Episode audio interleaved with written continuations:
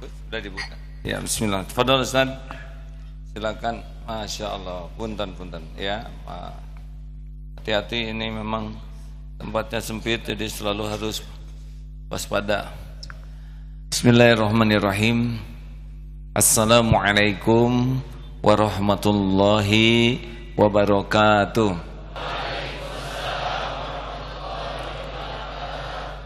Alhamdulillahi Rabbil Alamin Alhamdulillahilladzi khalaqal mauta wal hayata liyabluwakum ayyukum ahsanu amala wa huwal azizul ghafur.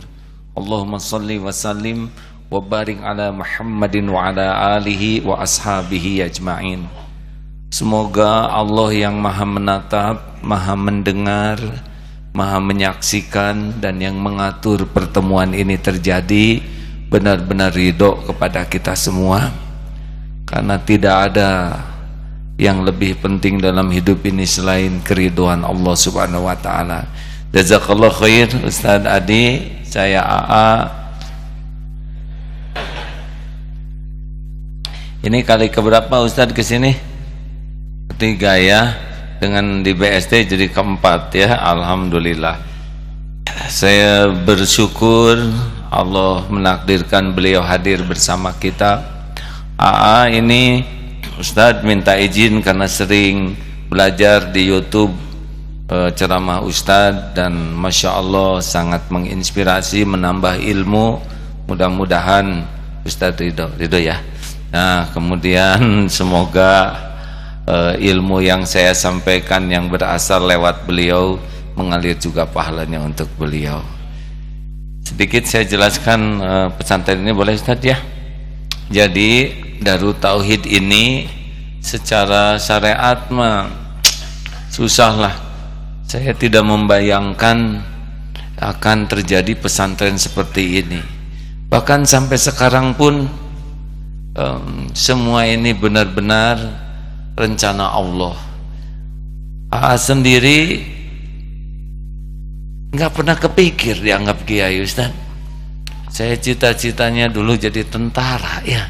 Kurang nyambung tapi sekarang bersyukur jadi tentara Allah subhanahu wa ta'ala. Dulu awalnya adalah pengajian tuh di rumah di KPAD yang dibahas dulu tuh adalah kitabnya akhlak dari e, Imam Ghazali itu saja bagaimana membersihkan hati lalu ngontrak kamar di sini tahun 90 itulah yang jadi awal ulang tahun kita maaf kalau tiap tahun ulang tahunnya beda-beda waktunya ya tergantung ingetnya ya dan tergantung lagi sibuk atau tidak lalu ngontrak kamar, ngontrak semuanya. Ini dulu luasnya hanya 400 meter. Tahun 92 dibeli. Tahun 94 dibangun masjid pertama sebelah sana. Lalu 95, 96 itu terbeli yang di depan. Bertahap sedikit-sedikit. Itu dulu uh, perumahan. Nah, ujiannya jadi Ustaz udah dengar belum Darut itu empat uh, babak? Udah dengar belum? Belum ya? Nah, sekarang jadi dengar. Jadi babak pertama dulu tuh berapa? Memang senang sekali kita tuh belajar ilmu tentang e, mengenal Allah. Dari awal itu tauhid aja. Tapi yang menyampaikannya kurang ilmu. Jadi ilmu dapat dari guru sampaikan, begitulah terbatas ke ilmu. Sampai diujilah dari babak daru tauhid awal ke babak kedua yang ternyata kami merasa khususnya saya tidak tidak sukses melewati ujian itu yaitu ketika dibukakan dunia menjadi populer tahun 2009 ya itu.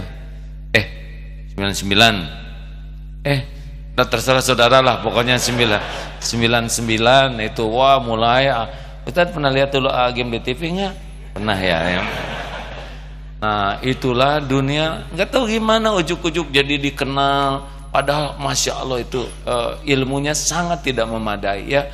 Mungkin takdir yang harus dijalani ujian dibukakan dunia menjadi kata orang si populer dan tamu berdatangan hampir kayak gini dulu juga 2000 sehari itu tapi ya cuman dipotret gitu Terus uh, makin lama Darut Tauhid berubah jadi Darut Duit. Karena uang banyak, ekonomi bagus, perusahaan bangkit, semuanya. Tapi ya hanya dagang nama Agim itu. Sampai akhirnya itu sampai 2006, kurang lebih 9, 10, 8, 9 tahun. Wah jelek sekali suasana waktu itu. Darut Tauhid terburuk pada waktu itu. Karena semuanya serba duniawi ya. Saya belajar kurang, ke orang tua juga sedikit waktu, ngurus anak nggak keurus. Pesantren juga tidak ada apa-apanya, tidak seperti ini dulu tuh. Sangat sederhana, hanya menang di TV saja. Alhamdulillah ditolong oleh Allah tahun 2007. Sudah tahu nggak sih? Kan? Waktu itu kan heboh ya. Uh, babak ketiga yaitu babak belur ya Abdullah Gimnastiar menikah lagi wah heboh saya jadi kayak buronan itu Masya Allah dan itulah saat terbaik di dalam kehidupan di Darul Tauhid ini kalau kata guru saya sih Allah mau mengambil Tuhan-Tuhan yang ada selama ini menuhankan popularitas, menuhankan perusahaan, menuhankan kekayaan, menuhankan dan memang itu ada di sini. Tapi jamaah tidak ngerti, Allah Maha tahu. Alhamdulillah. Terima kasih ibu-ibu ya yang waktu itu ngambek dan sebagainya ya. Sudah membantu saya bisa melepaskan Tuhan-Tuhan yang ada di hati. Pada waktu heboh itu Ustaz ya, aduh ini pesantren untuk ngegaji itu nggak ada uh, karyawan sebagian berhenti perusahaan bertumbangan uh tumbang betul itu MKFM nih radio kita ini mati mau hidup segan karena tidak ada untuk bayar listrik tidak ada saking sulitnya ekonomi nah yang bertahan yang sekarang pada jadi pimpinan di sini uh, Pak Gatot dan kawan-kawan, wah itu berjuang di sini tanpa gaji. Kalau saya sih, ya udah dikasih tahu oleh guru saya bahwa ini harus dijalani dan nanti dunia akan dikembalikan kalau lulus. Akhirnya tahun demi tahun, entah bagaimana, jadi berkembang lagi Ustaz.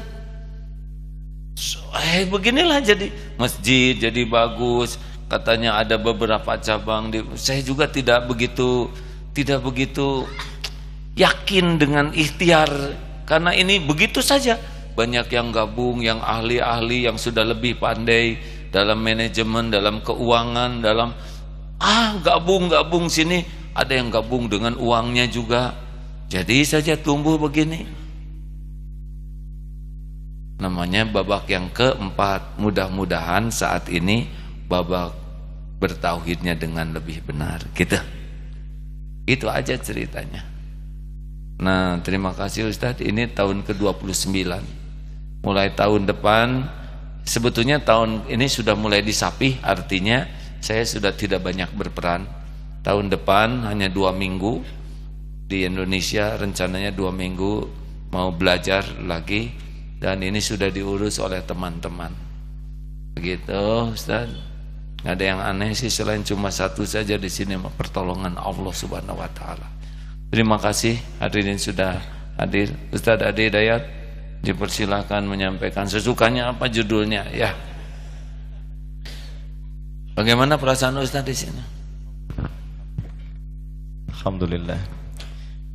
Bismillahirrahmanirrahim. Alhamdulillahilladzi an'ama likulli ibadihi tammatan ni'mah والمحبة الحمد لله الذي ألف في قلوبنا الإيمان فأصبحنا مؤمنين الحمد لله الذي أمرنا بالعبادة فأصبحنا من المتقين فسبحان الذي خلقنا أحسن التقويم فنحمده حمدا شاكرين حمدا ناعمين كما علمنا أن نحمده. ونصلي ونسلم على أفضل الأنبياء والمرسلين النبي الأمين الحبيب الكريم نبينا محمد وعلى آله وصحبه وأمته إلى يوم الدين. أما بعد السلام عليكم ورحمة الله وبركاته. الحمد Aa, Saya Adi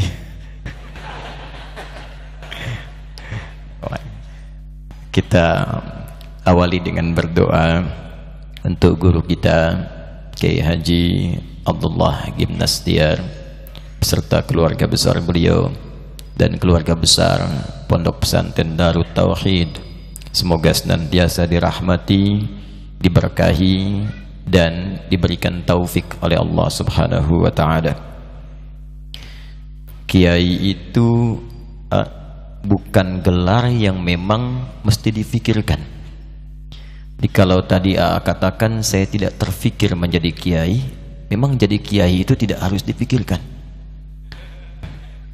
Karena kalau kita melihat hadis Nabi itu di antara anugerah memang yang tidak bisa dikejar dengan fikiran dan pengetahuan formal. Tidak ada fakultas jurusan kiai. Yang ada keterangan Nabi dalam riwayat Sahih Al-Bukhari dari 97 pembahasan ada di pembahasan yang ketiga.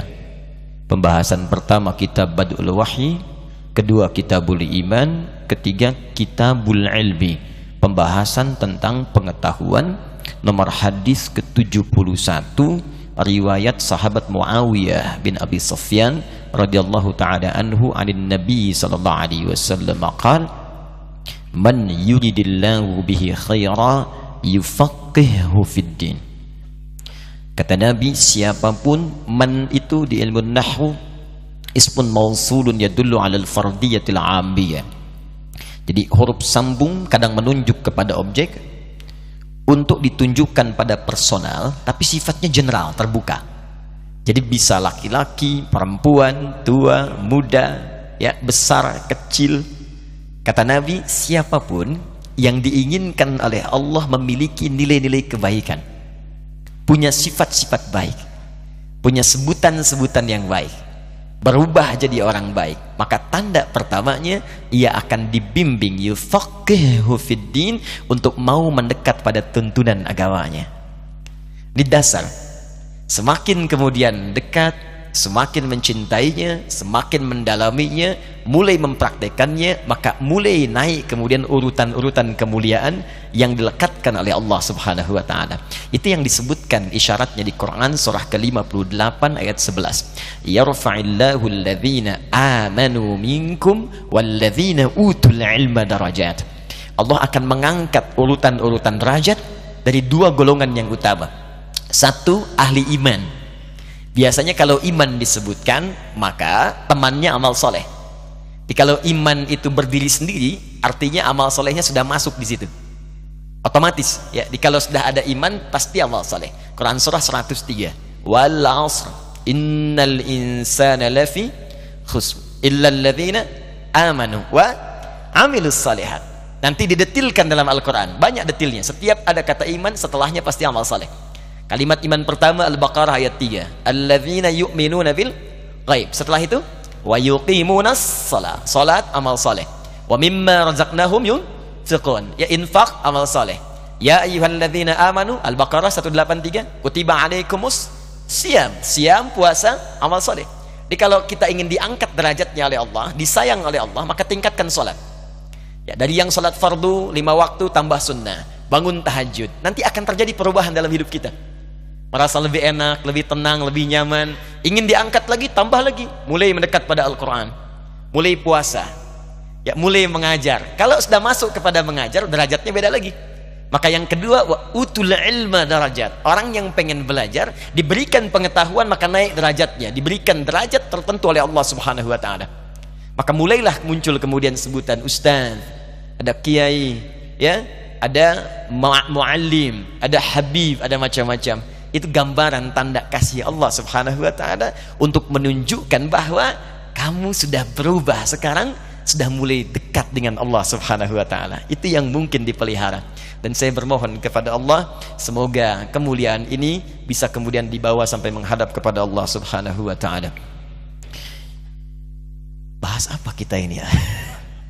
Alhamdulillah Ustaz. Terima kasih. Jadi mungkin membahasnya yang barusan aja tuh ya. Baik. Karena pernah dengar santri ada ngobrol di sini Ustaz. Saya sambil lewat, eh katanya mereka berdua ngobrol bilang begini, saya nih oleh kiai saya nggak boleh jadi ulama. Kenapa? Kata yang saya, saya dengar aja di obrolan mereka tanpa ingin mendengar ya, kedengaran sendiri. Karena mereka keras, salah mereka sendiri. Karena saya nggak boleh pengen jadi ulama. Terus kenapa? Kata guru saya, katanya kamu mah cukup jadi orang soleh aja. Karena kalau cita-cita jadi ulama, tapi salah pengertian ulamanya dari awal cita-citanya salah. Gimana tuh Ustaz? Saya sampai terperangah. Ini hebat nih gurunya. Karena belum tentu orang menganggap ulama tuh seperti yang ulama dalam pandangan Allah karena mungkin ada yang dianggap ulama karena ya begitulah ceramah terkenal pulangnya dapat amplop dapat berkat dan sebagainya. Gimana sih Ustaz? Ulama teh apa itu? Right. senang kalau beliau mah oh, jelas kalau saya mah coba Quran di lantai atas ambil gitu. Beliau mah. Alhamdulillah ya.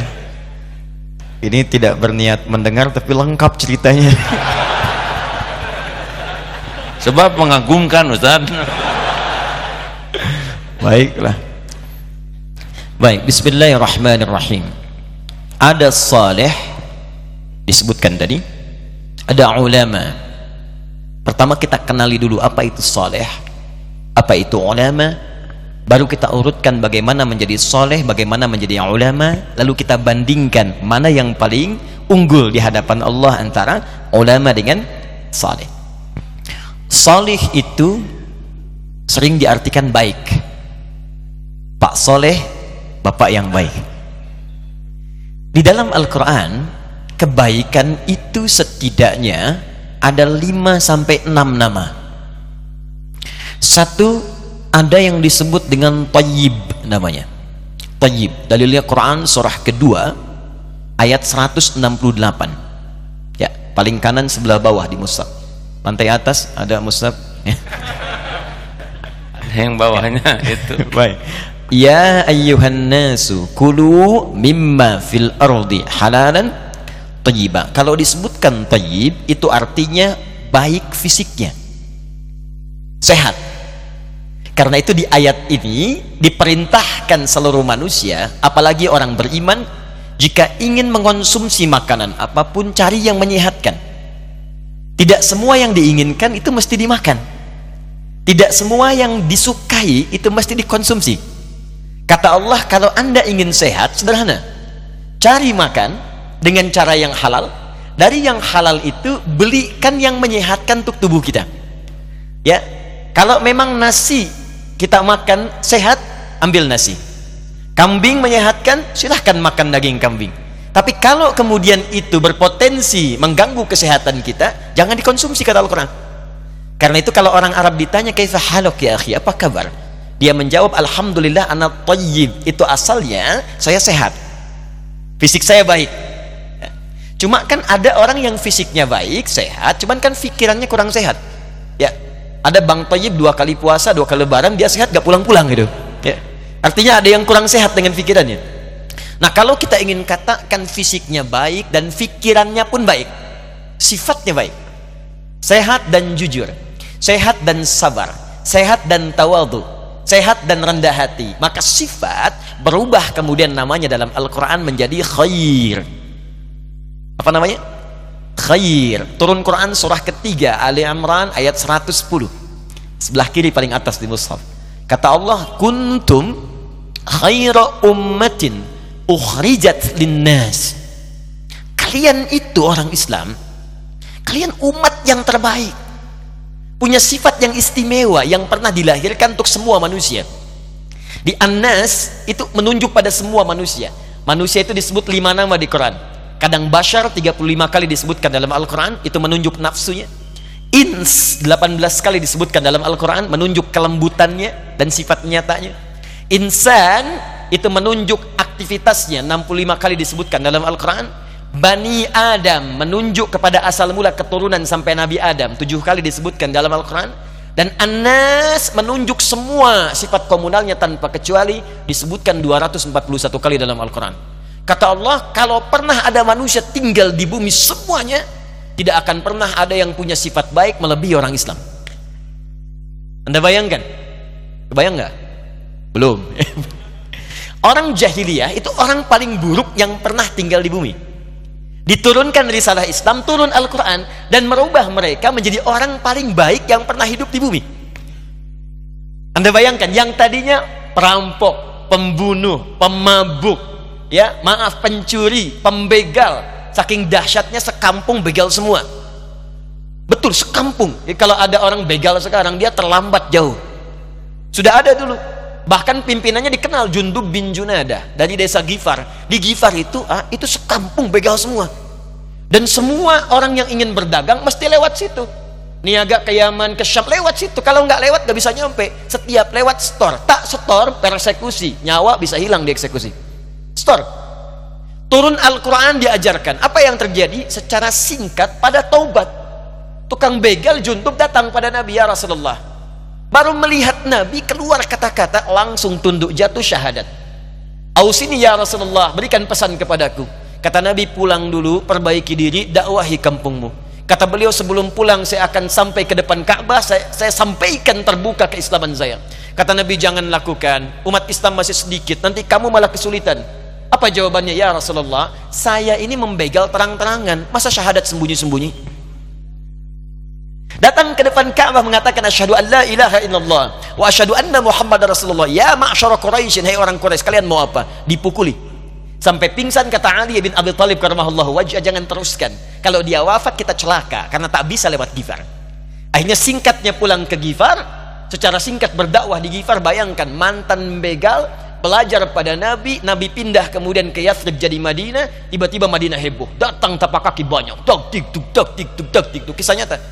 Begitu orang heboh keluar melihat, ternyata sekampung Gifar dipimpin Jundub bin Junadah radhiyallahu taala anhu masuk Islam semuanya. Anda bayangkan, seorang begal mendapat ajaran Quran, didapatkan langsung merubah jadi dai dan menghafal hadis. Teman-teman hafal hadis bangun tidur doanya eh, bunyinya apa? Alhamdulillahilladzi ahyana ba'dama amatana wa ilaihin nusyur. Itu siapa yang meriwayatkan? Mantan begal. Buka di Al-Bukhari nomor hadis 181. An Jundub bin Junada wa Muadz bin Jabal radhiyallahu taala anhuma qala qala Rasulullah sallallahu alaihi wasallam ya jika bangun dari tidur ucapkan alhamdulillahilladzi ahyana ba'dama amatana wa ilaihin nusyur. Imam An-Nawawi mengambil hadis Jundub bin Junada Silahkan buka di Al-Arba'in An-Nawawiyah nomor hadis yang ke-18 itu. An Muadz bin Jabal wa Jundub bin Junada radhiyallahu taala anhuma qala qala Rasulullah sallallahu alaihi wasallam ittaqillaha haitsu ma kunta wa atbi sayyi'atal hasanata tamhuha. Yang riwayatkan mantan begal. Saking diabadikannya yang dahsyat Allahu akbar. Disebutkan nama kampungnya untuk menunjukkan di kampung saya ini dulu begal semua, sekarang semua jadi baik. Maka tandanya tambahkan al di depannya, ujungnya tutup dengan i saya dari Gifar maka kunyahnya Abu Dhar dari Gifar dikenal dengan Al-Ghifari. Dia Abu Dhar Al-Ghifari. Al-Ghifari itu dulunya? Mantan begal. Saya ngasih nama anak saya Al-Ghifari nih Alhamdulillah. Ini Ustaz telat ngasih tahunya tapi asa keren kan Al-Ghifari ya nggak? Al-Ghifari ada yang belum selesai. Kenapa nama itu dicantumkan? Sebagai kebanggaan ah. maaf gaji ini bapak belum tahu ilmunya. Ya, semoga Allah ampuni bapak ya. Ada yang belum selesai. Jadi dicantumkan itu sebetulnya ingin memberikan pesan. Dulu kota kami ini terbelakang. Kelap kelap. Tapi setelah datang cahaya Islam merubah sifat kami. Dan jadi kebanggaan akhirnya kota itu dibanggakan dengan kemuliaannya. Dan oh. jadi inspirasi menjadi nama orang di kemudian hari termasuk oh, tadi Alhamdulillah. Haji nggak jadi minta maafnya. Ditambah al di depannya ujungnya i itu sudah rumus. Ya Imam Al-Bukhari namanya Muhammad dari Bukhara di beliau nama aslinya Muhammad punya bapak Ismail kakeknya Ibrahim kakek buyutnya Al-Bardizbah yang buyutnya Al-Mughira tinggal di kecamatan Ju'fah Kabupaten Bukhara provinsi Khurasan negara Uzbekistan sekarang Ya. Kalau jadi Aagim gimana? Aagim. Ah, boleh Aagim kalau geger kalongi ya. al KPDAI ya al Jawa Barati ad Darut Tauhidi ya kembali sifat Oh, jadi iya. kalau di Indonesia ini ada orang Islam itu mesti lebih baik sifatnya khair ummah tampilkan yang mantan begal aja jadi baik kok nah kalau sifat berubah jadi sikap maka berubahlah namanya dari khair jadi ma'ruf Pertama apa tadi? Tayyib. Tayyib. Kemudian khair khair. Lalu sekarang ma'ruf Oh. jujur itu sifat tapi kalau disogok kemudian dia menolak itu sikap namanya sedang bekerja. Pak tolong tanda tangan. Lihat. Ini nggak benar ini. Saya nggak mau tanda tangan. Jadi saya jadi tahiyat nggak mau maksiat. Nah itu ma'ruf namanya. Balik lagi orangnya. Pak sudah diperbaiki. Bagus. Eh kok nggak beda? Fee-nya Pak dari 100 juta jadi 1 miliar. Kamu ini bagaimana? Perbaiki tapi sebentar. Saya istihoroh dulu misalnya. Nah itu setengah ma'ruf ma'ruf sifat yang berubah jadi sikap. Khair sifat jujur sifat anti sogok sikap. Sabar sifat dicela membalas dengan yang baik sikap. Itu ma'ruf. Karena itu khair dan ma'ruf sering disatukan dalam Al-Quran. Contoh Quran surah ketiga Ali Imran ayat 104 waltakum minkum ummatun yada'una ilal khair wa ya'muruna bil ma'ruf. Tapi apakah semua sikap baik itu dikerjakan? Karena Allah belum tentu non muslim banyak yang jujur. Non muslim banyak yang suka berderma bantu. Ada yang bantu bangunan bantu bikin jalan dan sebagainya. Tapi apakah perbuatannya dikerjakan karena Allah? Belum tentu. Nah ketika kebaikan tadi dikerjakan karena Allah maaf jujurnya karena Allah kerja karena Allah mengajar karena Allah tadi yang bertahan di pesantren karena Allah maka berubah kemudian kata ma'ruf ini menjadi ihsan. Ihsan Ya, hadis Muslim nomor hadis yang ke-8. Dikutip oleh Al-Imam An-Nawawi dalam Al-Arba'in nomor hadis yang kedua. An ta'budallaha ka'annaka tarahu fa illam takun tarahu fa innahu yarak. Engkau menjadikan, perhatikan cara menerjemahkannya. Saya mohon izin tidak bermaksud mengajari, hanya menyampaikan apa yang guru kami telah sampaikan. An ta'budallaha. Engkau menjadikan semua aktivitasmu sebagai ibadah karena Allah. Minumnya ibadah, makannya ibadah, kerjanya ibadah, belajarnya ibadah, mengajarnya ibadah, semua aktivitas. Merawat rumah tangga ibadah, semuanya. Ka'annaka tarahu fa illam takun tarahu fa innahu yarak. Walaupun kau tak mampu menyaksikan Allah saat beribadah itu, maka rasakan Allah sedang mengawasi kita.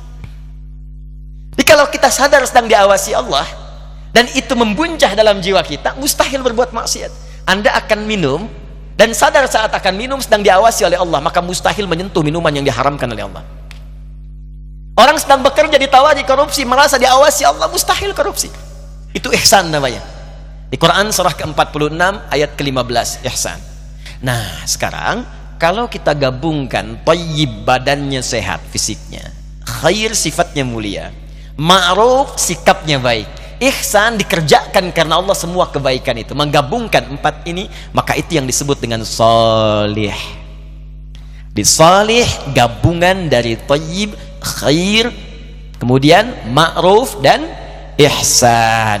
Karena itu Allah memberikan kalimat fitrah dalam Al-Quran setiap orang tua bahkan sejak anaknya dalam kandungan pasti mengharapkan anak yang soleh buka Quran surah ke-7 ayat 189 Perhatikan pertengahan sampai ujung ayatnya. Falamma taghasyaha hamalat hamlan khafifa famarrat bi falamma athqalat da'awallaha rabbahuma la in ataitana saliha lanakunanna minasyakirin. Ketika suami istri mulai bergaul, istrinya mengandung kandungan ringan sampai berat, maka fitrahnya akan mulai berdoa kepada Allah suami dan istri, "Ya Allah, mohon jadikan anak lahir nanti anak yang salih." Saya belum pernah dengar ada orang berkata, Ya Allah jadikan anak saya anak yang tayyib. Pasti soleh. Jadi soleh itu gabungan tadi dari tayyib, masih ingat? Dua, khair. Yang ketiga, ma'ruf. Empat, ihsan. Tahan sebentar sebelum masuk ke ulama. Ada yang keenam. Yang keenam disebut birrun namanya. Al-birru. Ya, al-birru. Kalau birrun artinya kebaikan yang lahir setelah buruknya hilang. Ya, kebaikan yang muncul setelah buruknya hilang. Ada orang berbuat buruk ditinggalkan keburukannya lantas berubah menjadi baik. Marahnya ditinggalkan jadi sabar. Sombongnya ditinggalkan jadi tawadu maka kebaikan yang muncul setelah meninggalkan yang buruk disebut apa? Birrun. Kalau melekat pada pelakunya disebut dengan mabrurun. Ada haji. Haji apa yang populer mabrur. Kenapa disebut haji mabrur? Karena saat dia berada wukuf di Arafah, dia istighfar, dia mengenali keburukannya, dia tinggalkan itu dia lontari, datang ke Muzdalifah mengambil batu, dia lontari di Jamarat. Dicatat. Makanya sebelum haji catat dulu. Kenali diri kita keburukannya. Jangan gengsi tanyakan pada pasangan hidup. Tanyakan pada anak, tanyakan pada orang tua. Ibu tanyakan pada suami. Ayah, mama mungkin banyak salah. Emang ya nggak apa-apa ya. Sampaikan saja untuk ditobati. Tulis. Sampai di sana rinci. Makanya ketika lontar jumrah kita melontar sifat kita. Bismillahirrahmanirrahim. Akbar. Hadisnya sama dengan yang nyembelih di sini. Waktunya sama. Yang di sana melontar di sini menyembelih. Tanggal 10 itu. Kalimatnya sama. Di sana Bismillahirrahmanirrahim. Akbar. Di sini Bismillahirrahmanirrahim. Akbar. Apa yang dilempar sifat hewani dari kata bashar tadi? Nafsunya ya karena itu sifat hewan disembelih hewannya di sini yang di sana melontar. Karena sudah dilontar hilang buruknya pulang-pulang membawa kebaikan. Itu yang disebut haji mabrur. Haji mabrur itu haji yang bisa menepikan sifat buruk dan berubah menjadi baik di kemudian hari. Karena itu diingatkan oleh Nabi kalau sudah haji sayang. Udah fisik, harta, tenaga, waktu jangan ditukar surga yang sudah diberikan oleh Allah itu. Jaga itu dengan baik jangan ditukar dengan maksiat lagi dilekatkan kalimat haji di situ bukan kelar pengingat jadi kalau ada yang menyebutkan Pak Haji itu bukan gelar, ingat. Pengingat jangan sampai kebaikan Anda luntur lagi. Nah, kembali kepada tadi salih, fokus baik-baik. Di salih itu umum. Mencakup semua sifat ma'ruf. Umum salih itu. Ma'ruf itu kebaikan dikerjakan karena Allah. Salat baik dikerjakan karena Allah ma'ruf. Sedekah ma'ruf. Puasa ma'ruf umum. Jadi soleh itu baru nama umum. Bisa Anda pilih di antara sekian yang umum itu, mana yang ingin Anda capai. Contoh, Bapak Ibu ingin soleh, pilihannya amalan apa yang ingin dipilih oleh Anda? Dibentangkan oleh Quran. Mau jadi ahli puasa? Boleh. Ahli tahajud? Boleh.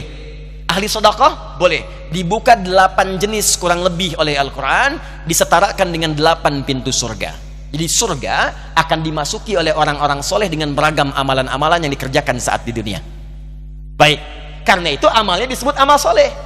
Buka Quran surah kedua Al-Baqarah ayat ke-25, paling kanan sebelah atas di mushaf. Ini kalimat surga pertama disebutkan dalam Al-Quran. Wabashiril ladzina amanu wa amilus salihat anna lahum jannatin tajri min berikan kabar gembira pada orang beriman yang telah mengoleksi amal-amal soleh. Dia diberikan kabar gembira aku siapkan beragam jenis surga untuknya. Anda tanya ya Allah amal apa yang harus kukerjakan sehingga aku bisa mendapatkan surga itu? Dirinci oleh Quran dibagi empat bagian Pertama, ada amalan yang saat Anda kerjakan ke surganya bersama para nabi, semua nabi yang pernah tinggal dan bertugas di bumi. Itu ada di Quran surah keempat ayat ke-69. Ada kalimat solehnya. Wa may yuti'illaha war rasula fa ulaika ma'al ladzina an'ama Allahu 'alaihim minan nabiyyin was-siddiqina wasyuhada was-salihin. Amalannya apa? Ikuti semua sunnah Nabi. Keluarkan dari bangun tidur sampai tidur lagi. Bangun tidur bagaimana cara Nabi bangunnya? Buka Abu Dawud nomor hadis 1367 misalnya. Kata Ibnu Abbas, Nabi itu duduk dulu. Karena Nabi sallallahu alaihi wasallam min naumihi fajalasa wa masaha bi min athari naumihi faqara khawatim surah Ali Imran. Nabi kalau bangun dari tidur tidak langsung bangun, duduk dulu. Menghilangkan bekas ngantuknya. Baru kemudian berdoa. Jadi kalau berdoa jangan bangun langsung doa. Tidak akan sadar. Sadarkan dulu. Dan itu pun kadang butuh waktu. Bangun jam 3 mau sadar. Begitu lihat jam jam 5. sadar dulu.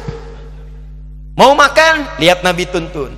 Mau ke toilet lihat Nabi. Makanya silahkan cek bandingkan dengan ajaran mana pun. Anda hanya akan temukan dalam Islam semua pekerjaan kita ada bimbingannya dari Nabi berupa doa. Itu bimbingan. Nah kita keluarkan. Ada amalan soleh yang kedua mohon izin maaf surganya di level yang kedua.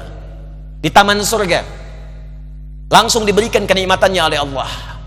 Taman surga ini indahnya semua kenikmatan diberikan oleh Allah dan letaknya indah sekali. Itu ada di Quran surah ke-51 ayat 15 sampai 23 apa amalannya kata Allah rajin tahajud. Saya bacakan ayatnya. Innal muttaqina fi jannatin wa uyun. Ada orang soleh yang takwa yang akan tinggal di taman surga. Apa amalannya? Akhidhina ma atahum rabbuhum innahum kanu qabla dhalika muhsinin. Mereka akan mendapatkan semua langsung dari Allah pemberian surganya. Jadi kalau yang di bawah itu yang melayani wildanun mukhalladun. Ya, ada yang pengen minum, pengen minum, datang tiba-tiba. Kalau laki-laki datang beda dari surga. Cantiknya tak terlukiskan. Mala ainan ra'at wala udhun sami'at wala khatar ala qalbi bashar. Ah, lihat istri sendiri nggak akan sebanding dengan itu. Ya, beda jauh. Seperti mutiara. Ya, seperti berlian, nampak indah. Dibawakan gelas-gelas. Masya Allah. Bi akwabi wa abarika wa ka'sin min ma'in. Gelasnya terbuat dari emas mutiara yang berkilauan. Kalau ibu perempuan dilayani pangeran-pangeran surga, indah. Tapi, ah silakan. Ah. Jadi kita ke mana itu nanti? Insya Allah. Nanti kita pilih di belakang nanti ada. Oh iya, siap, siap. Akan terlihat. Siap. Baik. Tapi di taman surga yang berikan langsung Allah. Indah. Dan sebelum masuk ke sini, dia diperkenankan melihat Allah tanpa hijab. Quran surah ke-75 ayat 22 sampai 23. Wujuhu idzin nadhirah. Ada orang yang wajahnya berbinar gembira luar biasa.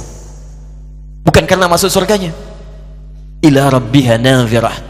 Karena ia bisa menatap Allah yang dirindukan yang tak pernah nampak. Anda berpisah dengan putra anda 20 tahun. Dia katakan saya mau datang. Di bandara landing pesawat jam 7 ibu akan datang jam berapa? Bahkan ada yang menginap untuk menyambutnya dan suasananya luar biasa. Sekarang kita diberikan nikmat.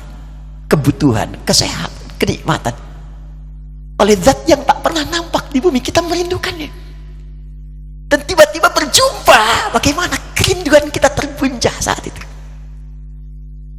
Saya ingat almarhum Kiai Haji yang Arifin Ilham guru sahabat kita. Saya menengok beliau di rumah sakit sebelum wafat Ustaz Hadi. Abang sedang nunggu deh ya bang. Liko Allah mau ketemu Allah. Mau ketemu Allah. Makanya pas mau wafat itu dituliskan kan oleh beliau liko Allah dan dipersiapkan. Tidak ada kerinduan tertinggi ketika berjumpa dengan Allah dan Rasulullah SAW taman surga. Kalau anda inginkan itu apa amalannya? Dia orang muhsin kata Allah semua mengerjakan karena Allah. Jadi semua karena Allah. Lillah, lillah, lillah, lillah. Karena semua karena Allah, Allah pun merindukannya. Ya. Syekh Jamaluddin Al-Afghani pernah mengajar kemudian di Jamiah Islamiyah di Madinah, Munawwarah. Saat mengajar, Pak, itu beliau pernah sakit, merasa sakit. Cek ke dokter, kemudian balik karena hasil belum keluar lab. Berapa hari kemudian beliau meminta muridnya untuk ngambil hasil karena beliau ingin mengajar dulu begitu ngambil hasil menangis muridnya di luar. Kenapa? Katanya ayo masuk sini. Menangis tak sanggup menyampaikan. Kamu tenang dulu. Begitu selesai beliau sampaikan. Guru hasil dari lab menunjukkan kata dokter usia guru sudah tidak lama lagi penyakitnya begitu kronis semua murid menangis pada saat itu. Tapi perhatikan bagaimana guru mulia ini menjawab Kalian kenapa bersedih? Kalian kenapa bersedih? Aku sudah lama merindukan Allah untuk berjumpa dengannya. Sekarang Allah merindukan denganku, merindukan pertemuan denganku untuk segera aku menemuinya. Ketika Allah merindukan aku, kenapa aku harus menangisi ya? Allah. Karena itu ketika pulang dibalas dengan indah oleh Allah. Apa amalannya saat di dunia? Kanu qalila minal laili ma yahja'un. Orang ini kata Al-Qur'an sedikit tidurnya. Malam bangun. Di kalam dalam rumus fikih kalau sudah disebutkan di Quran jangan ditambah jangan dikurang. Kata Quran sedikit tidur, dihilangkan ya tidur. Ditambah sedikit-sedikit tidur, ya nggak bangun. Ya, wabil asharihum yastaghfirun. Ini rumus rumus rumus rumus. Kalau selesai tahajud kalau bisa jangan sampai pas subuh menjelang subuh. Sisanya dipakai istighfar sebelum subuh. Subuh 4 lewat 6 ya jam 4 kurang seperempat 4 kurang 10 selesai istighfar. Itu disebutkan oleh Quran ahli istighfar di waktu sahar adalah orang yang seakan ahli surga yang sedang berjalan-jalan di bumi. Istighfar ya. Allahu akbar. Bil asharihum yastaghfirun wa fi amwalihim haqqul lisaili wal mahrum. Senang sedekah senang sedekah mau diminta mau nggak diminta punya anggaran. Di sehari itu punya anggaran walaupun cuma sedikit yang penting sedekah. Dia ngejar amalan itu. Ya apa pun itu mau wakaf mau infak mau macam-macam. Saya senang nih biasanya di Darut Tauhid selalu ada itu kesempatan begitu. Tawaran tuh. Untuk masjid kah untuk wakaf pesantren kah dikejar. Jadi dia tuh punya anggaran untuk pulang. Nah, itu yang kedua. Yang ketiga level orang soleh yang ditempatkan di surga rumahnya seluas langit dan bumi. Wah itu silahkanlah mau maraton, mau kopdol, mau sepedaan, nah, mau nggak nyampe-nyampe tuh. Ya. Sepeda. Sel- Emang ada sepeda di surga? Bahkan bukan cuma sepeda. Hmm. AA merindukan apa pun baru kepikir langsung ada. Kuda? Bisa. Bisa. Saya ke Darut Tauhid misalnya diajak oleh AA misal melihat kuda. Belum sempat naik. Tiba-tiba jalan mau ceramah meninggal. Bisa. Begitu wafat Allah berikan kemudian anugerah surga. Ini level yang paling rendah yang keempat. Misal saja, misal. Kata Allah yang keempat ini pun yang nggak disebutkan, itu kalau minta apa pun Al-Baqarah ayat 25. Ya, ulama ruziku minha min thamarat rizqan qalu hadzal ladzi ruziqna min qablu wa utubihi mutasyabiha. Tiba-tiba begitu masuk surga yang ini ingat kepikiran pertama kali begitu wafat kan belum naik kuda. Masuk ke sini ingat ya Allah kuda kim celing. Wa utubihi mutasyabiha diberikan persis seperti yang terfikirkan di benaknya. Waduh. Ya Allah tapi agimnya nggak ada. Misalnya ajak, ajak pling. Ya, saya, saya kan belum meninggal. Ternyata di atas saya gitu. Bisa ada. Jadi ada level yang seluas langit dan bumi. Amalannya apa? Di Al- Ali Imran ayat 133 sampai 134. Paling kanan sebelah atas di mushaf. Itu dia rajin infak. Alladzina yunfiquna fis sarra. Pertama istighfar dulu. Wasari'u ila maghfirati min rabbikum. Ayo cepat bergegas introspeksi diri, istighfar. Jalan ke sini istighfar, pulang dari sini jalan istighfar. Istighfar, istighfar, istighfar, astagfirullah, astagfirullah, astagfirullah. Kan banyak salahnya. Mata berapa kali salah ayo dalam hari ini saja. Telinga berapa kali salah dengar, lisan berapa kali salah ucap. Jadi kalau merasa banyak salahnya, tutup dengan istighfar. Astagfirullah, astagfirullah.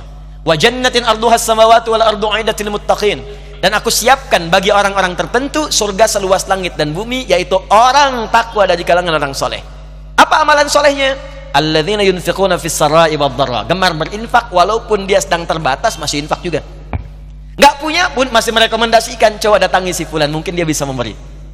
Wal kadhiminal ghaidha ini yang beda, sanggup menahan amarah. Itu nggak mudah. Wal afina 'anin nas, bisa memaafkan kesalahan orang.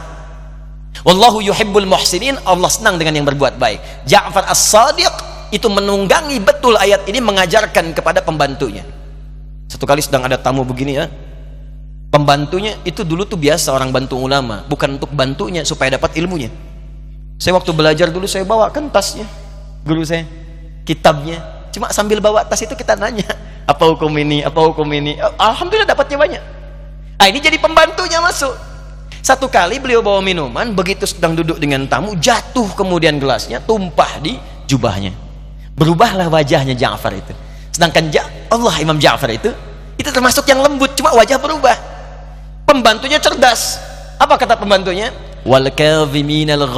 Dibacakan ayat tadi. Penduduk ahli surga bisa menahan amarah. Kata Ja'far, saya nggak marah. Tapi kan ada tamu, boleh jadi tamu pulang belum ngasih maaf. Diteruskan ayatnya, wal afina anin nas. Juga memaafkan kesalahan orang. Apa itu angka? Saya maafkan. Cuman saking cerdasnya tahu bahwa Ja'far itu punya anggaran setiap hari untuk sedekah. Minimal seribu dirham. Di kantongnya selalu ada. Hal itu belum sedekah. Diteruskan ayatnya. Wallahu yuhibbul muhsinin. Kata Ja'far, sudah jangan diteruskan lagi. Ini ambil, saya bebaskan kamu sekarang dari membantu saya. Udah pintar. Nah, jadi amal soleh itu banyak. Di antara amalan soleh yang terbentang, dibukalah pintu surga. Yang ahli puasa, pintunya Ar-Rayyan. pintu tahajud, ada pintu sedekah, tapi ada satu pintu yang saat dibuka akan memasuki semua pintu-pintu itu. Itulah amal soleh yang bahkan disebutkan dari hadis Ibnu Majah nomor hadis 233 riwayat sahabat Abu Darda radhiyallahu taala anhu adalah pintu para pewaris Nabi. Siapa mereka ini? Wa innal ulama'a warafatul anbiya wa innal anbiya'a lam yurithu dinaran wala dirhaman walakinnahum awrathul ilmi warathul ilma fakhudhuhu bihadhin wafir. Sungguh para ulama itu adalah pewaris Nabi. Dan sungguh para nabi itu tidak pernah mewariskan materi. Dinar, dirham. Ini isyarat dalam Al-Quran, ulama yang benar itu, ulama yang orientasinya bukan materi. Jadi saya sangat bahagia tadi cerita di awal, diarahkan. Allah ingin arahkan kepada yang lurus, baik. Kita semua, karena godaan gak mudah Pak Bu. A lebih tahu dan lebih banyak pengalaman dibanding kami. Banyak godaannya. Saya dari dulu guru saya sudah menyampaikan sebelum datang ke Indonesia dari godaan amplop di sini. Saya mengajar di Libya, saya mengajar di Libya. Dan saya diangkat jadi Amir Khutbah usia 26 tahun. Kalau di sini ketua majelis ulama lah. Jadi saya berhak menentukan siapa yang khutbah di sana dan semua yang khutbah mesti laporan dulu ke saya untuk bikin teks, saya periksa. Dan nggak ada nggak ada kasih amplop di sana. Pemerintah yang berikan. Ya, pulang ke sini muncul amplop. Itu yang repot. Makanya pertama kali Nabi diingatkan ketika beliau ditugaskan untuk berdakwah jangan sampai orientasi materi wala tamnun tastakfir. Jangan kamu ngasih untuk mendapat yang lebih banyak. Sekarang amplop aja istilahnya udah pakai istilah ilmu hadis. Kalau amplopnya tebal bagus ini sahih. Amplop tipis daif. Tipis tapi banyak sahih ligoyrihi gak dikasih amplop mau dua ada yang istilahnya air. Datang ke mana aja ah itu airnya air hujan. Ya tapi nggak bisa datang cuman orang datang banyak terbatas ah itu airnya sumber air. Ya nggak akan datang. Kalau nggak ngalir ah itu seperti PDAM ya kalau nggak dibayar nggak akan ngalir. Ah, itu ada yang seperti itu. Itu dihindari. Maka yang pertama kata kata Nabi kalimatnya ulama itu bagian dari amal soleh. Amal soleh dan tingkatnya tinggi karena mewarisi Nabi dan Nabi mewariskan pengetahuan karena itu di antara urutan orang-orang soleh tadi tingkat tertingginya langsung di bawah kriteria para Nabi itu ulama. Gak mungkin ada ulama kecuali soleh. Karena urutan tingkat soleh nomor satu itu ulama. Jamak dari kata alim. Makanya ada riwayat mengatakan fadlul alim ala al-abid ka fadlil qamari ala sairil kawakib. Jikalau seorang sudah alim, punya ilmu, dan dia beribadah dengan ilmunya, dibanding orang soleh biasa yang cuma sholat, itu beda pahalanya tinggi. Pahalanya, pengen tahu pahalanya? Anda kalau belajar berilmu, kemudian mengamalkan dengan ilmu itu untuk ibadah, maka pahalanya sejumlah benda-benda yang ada di langit. Hitung sendiri. Kalau standar ibadah saja, misal sholat, nggak belajar fikih sholat, yang belajar cuma sederhana aja, takbir, ya sampai salam yang penting hafal bacaan tahu gerakan. Tapi nggak ngerti artinya nggak paham. Apakah itu takbir pak maknanya apa? Doa ruku nggak ngerti doa sujud nggak paham. Tetap dapat pahala. Menggugurkan kewajiban pahala dapat. Berapa pahalanya? Buka Quran surah ke-6 ayat 160 Man jaa bil hasanati falahu asyru amthaliha. Siapa yang mengerjakan satu kebaikan yang punya nilai pahala. Jadi hasanah itu artinya kebaikan yang ada pahalanya. Makanya kita berdoa, Rabbana atina fid dunya hasanah ya Allah, jadikan semua aktivitas kami di bumi, di dunia ada pahalanya. Salat di antaranya. Ya, setiap mengerjakan perbuatan hasanah 10 pahalanya. Salat di Quran disebut hasanah. Buka Quran surah ke-11 ayat 114. Aqimis salata tarafain nahar wa zulatan minal lail innal hasanati yudhibnas sayyiat. Tunaikan salat di kedua siang sampai malam, subuh sampai dengan isya. Sungguh salat itu perbuatan hasanah yang bisa mengentaskan keburukan. Jadi kalau sekali sholat walaupun tak paham maknanya dapat pahala 10 10 itu ngitungnya jangan begini. 1, 2, 3 terlalu kecil. Anda ke masjid saja ke sini ke Darut Tauhid. Datang ke masjid dengan niat ibadah. Baru datang. Belum ngapa-ngapain. Tapi niatnya ibadah. Baru datang. Di hadis muslim disebutkan 25 kebaikan. Jarak satu kedua 500 tahun. Dua ketiga 500 tahun. Tiga keempat 500 tahun Jadi kalau ada orang sekali tadi sholat zuhur dapat 10, jarak satu keduanya 500 tahun, dua ketiga 500 tahun. Dari dari sekali sholat dapat 5 aban. Jadi kalau ada yang meninggalkan sholat ruginya luar biasa. Ada orang nggak sholat ruginya luar biasa. Tapi kalau ada orang dengan ilmunya kemudian dia sholat, dia belajar fikih. Bagaimana cara takbir? Oh begini caranya. Angkat sejajar dengan bahu. Dari mana tahu? Ya dicari. Oh ini Al Bukhari, riwayat Abu Hurairah nomor hadis 711 di Muslim hadis 1397 eh 397 diangkat begini. Sejajar dengan bahu. Ada yang sejajar dengan daun telinga. Temukan di temukan di An-Nasai dicari sampai kisahnya. Apa maknanya ini? Oh maknanya begini. Kalimatnya apa? Allahu Akbar. Lalu setelah paham dipraktikkan. Itu pahalanya bedanya itu kata Nabi sejumlah seluruh benda langit yang ada di langit di semesta. Kalikan 10 tadi. Saking dihargai ya. Alim jadi ulama itu orang soleh tingkat tertinggi. Orang ulama pasti beribadah. Gak ada ulama yang gak ibadah. Silahkan cek.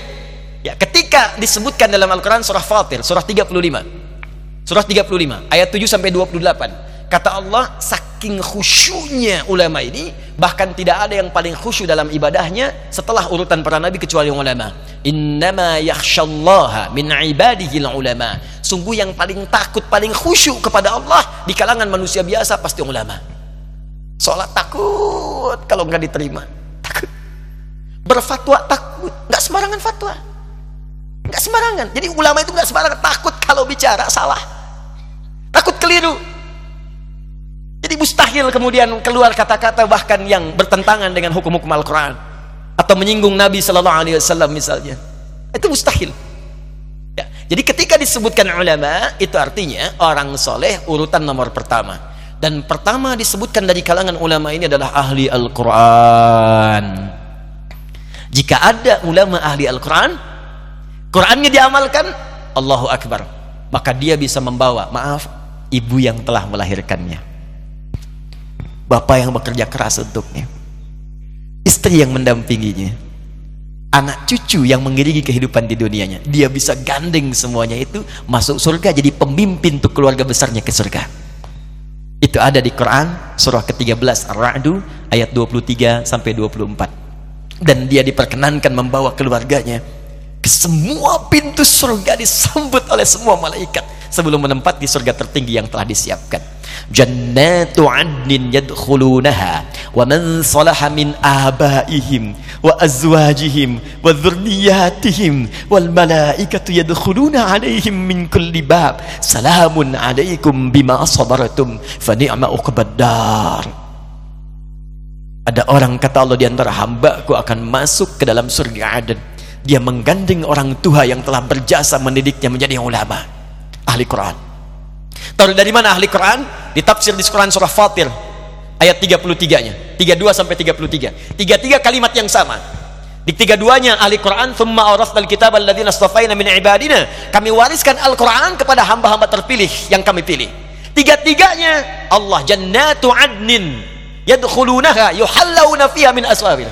Ada orang ahli Quran akan masuk surga di sini diberikan perhiasan dulu oleh Allah. Dikasih jubah dikasih gelang-gelang emas diperkenalkan pada seluruh penduduk langit dan bumi. Di At-Tirmidzi nomor hadis 2015 diundang orang tuanya diberikan mahkota khusus dipakaikan di kepala kedua orang tuanya. Ini orang tua hebat diwisuda oleh Allah. Orang tua hebat diperkenalkan pada penduduk langit dan bumi yang bisa sabar menjadi anaknya jadi ulama. Maka ibunya digandeng yang telah melahirkannya. Bapaknya digandeng. Anak istri ikut di belakangnya. Masuk disambut oleh semua malaikat di setiap pintu surga. Kata malaikat salamun alaikum bima sabartum. Bentuknya jamak kum. Menunjuk pada orang tua juga. Diucapkan selamat bapak ibunya. Ibu bapak selamat ya. Sabar. Saat mendidik anak anda sabar sabar bu. Masukin pesantren sabar. Jadi arsitek banyak bu. Ke ITB jadi insya Allah insinyur. Ke IPB jadi ahli pertanian. Ke UI, ke Undip jadi dokter banyak. Jadi ulama itu susah Makanya sabar. Anak mengeluh di pesantren sabar. Didik jadi ahli Quran dari awal. Mulai membaca, menghafal, pelan-pelan. Yang dilihat oleh Allah bukan hasilnya bu, ikhtiarnya. Itu beruntungnya kita. Di mungkin saat ibu mendidik, ibu wafat. Jadi ibu. Saat anak dididik mungkin wafat. Jadi pak. Yang dilihat bukan hasil. Dia gandeng tuh. keluarganya semua masuk. Allahu Akbar. Diberikan mahkota, masuk. Dan dimintakan langsung oleh Allah. Iqra wakar, fa inna akhira qiraatika akhira manzilatika. Sekarang silahkan bacakan Quran yang biasa engkau bacakan saat di dunia. Tempat tinggalmu adalah akhir dari bacaanmu. Digandeng naik ke atas. Tidak ada yang paling indah. Makanya ketika ada yang mengatakan jadi ulama, jadi saya katakan pada ibu saya, bahkan Allah akan akan turunkan saat di dunia. Ayah saya meninggal saat saya masuk pesantren. Dan baiknya saya rasakan luar biasa. Beliau mengajar di musalla kecil dulu, sekarang jadi masjid. Ah. Itu saya selalu di bawah. Beliau mengajar, saya tidur. Sekarang gantian saya mengajar beliau tidur. Dan kadang dipangku, gendong sampai pulang. Saya pernah sengaja pura-pura tidur untuk ingin tahu apa yang dikerjakan ayah saya di jalan. Jaga betul supaya nggak bangun. Begitu saya disimpan di kasur dan bangun, diajak bercanda. saya mau masuk pesantren, beliau nggak sempat ngantar.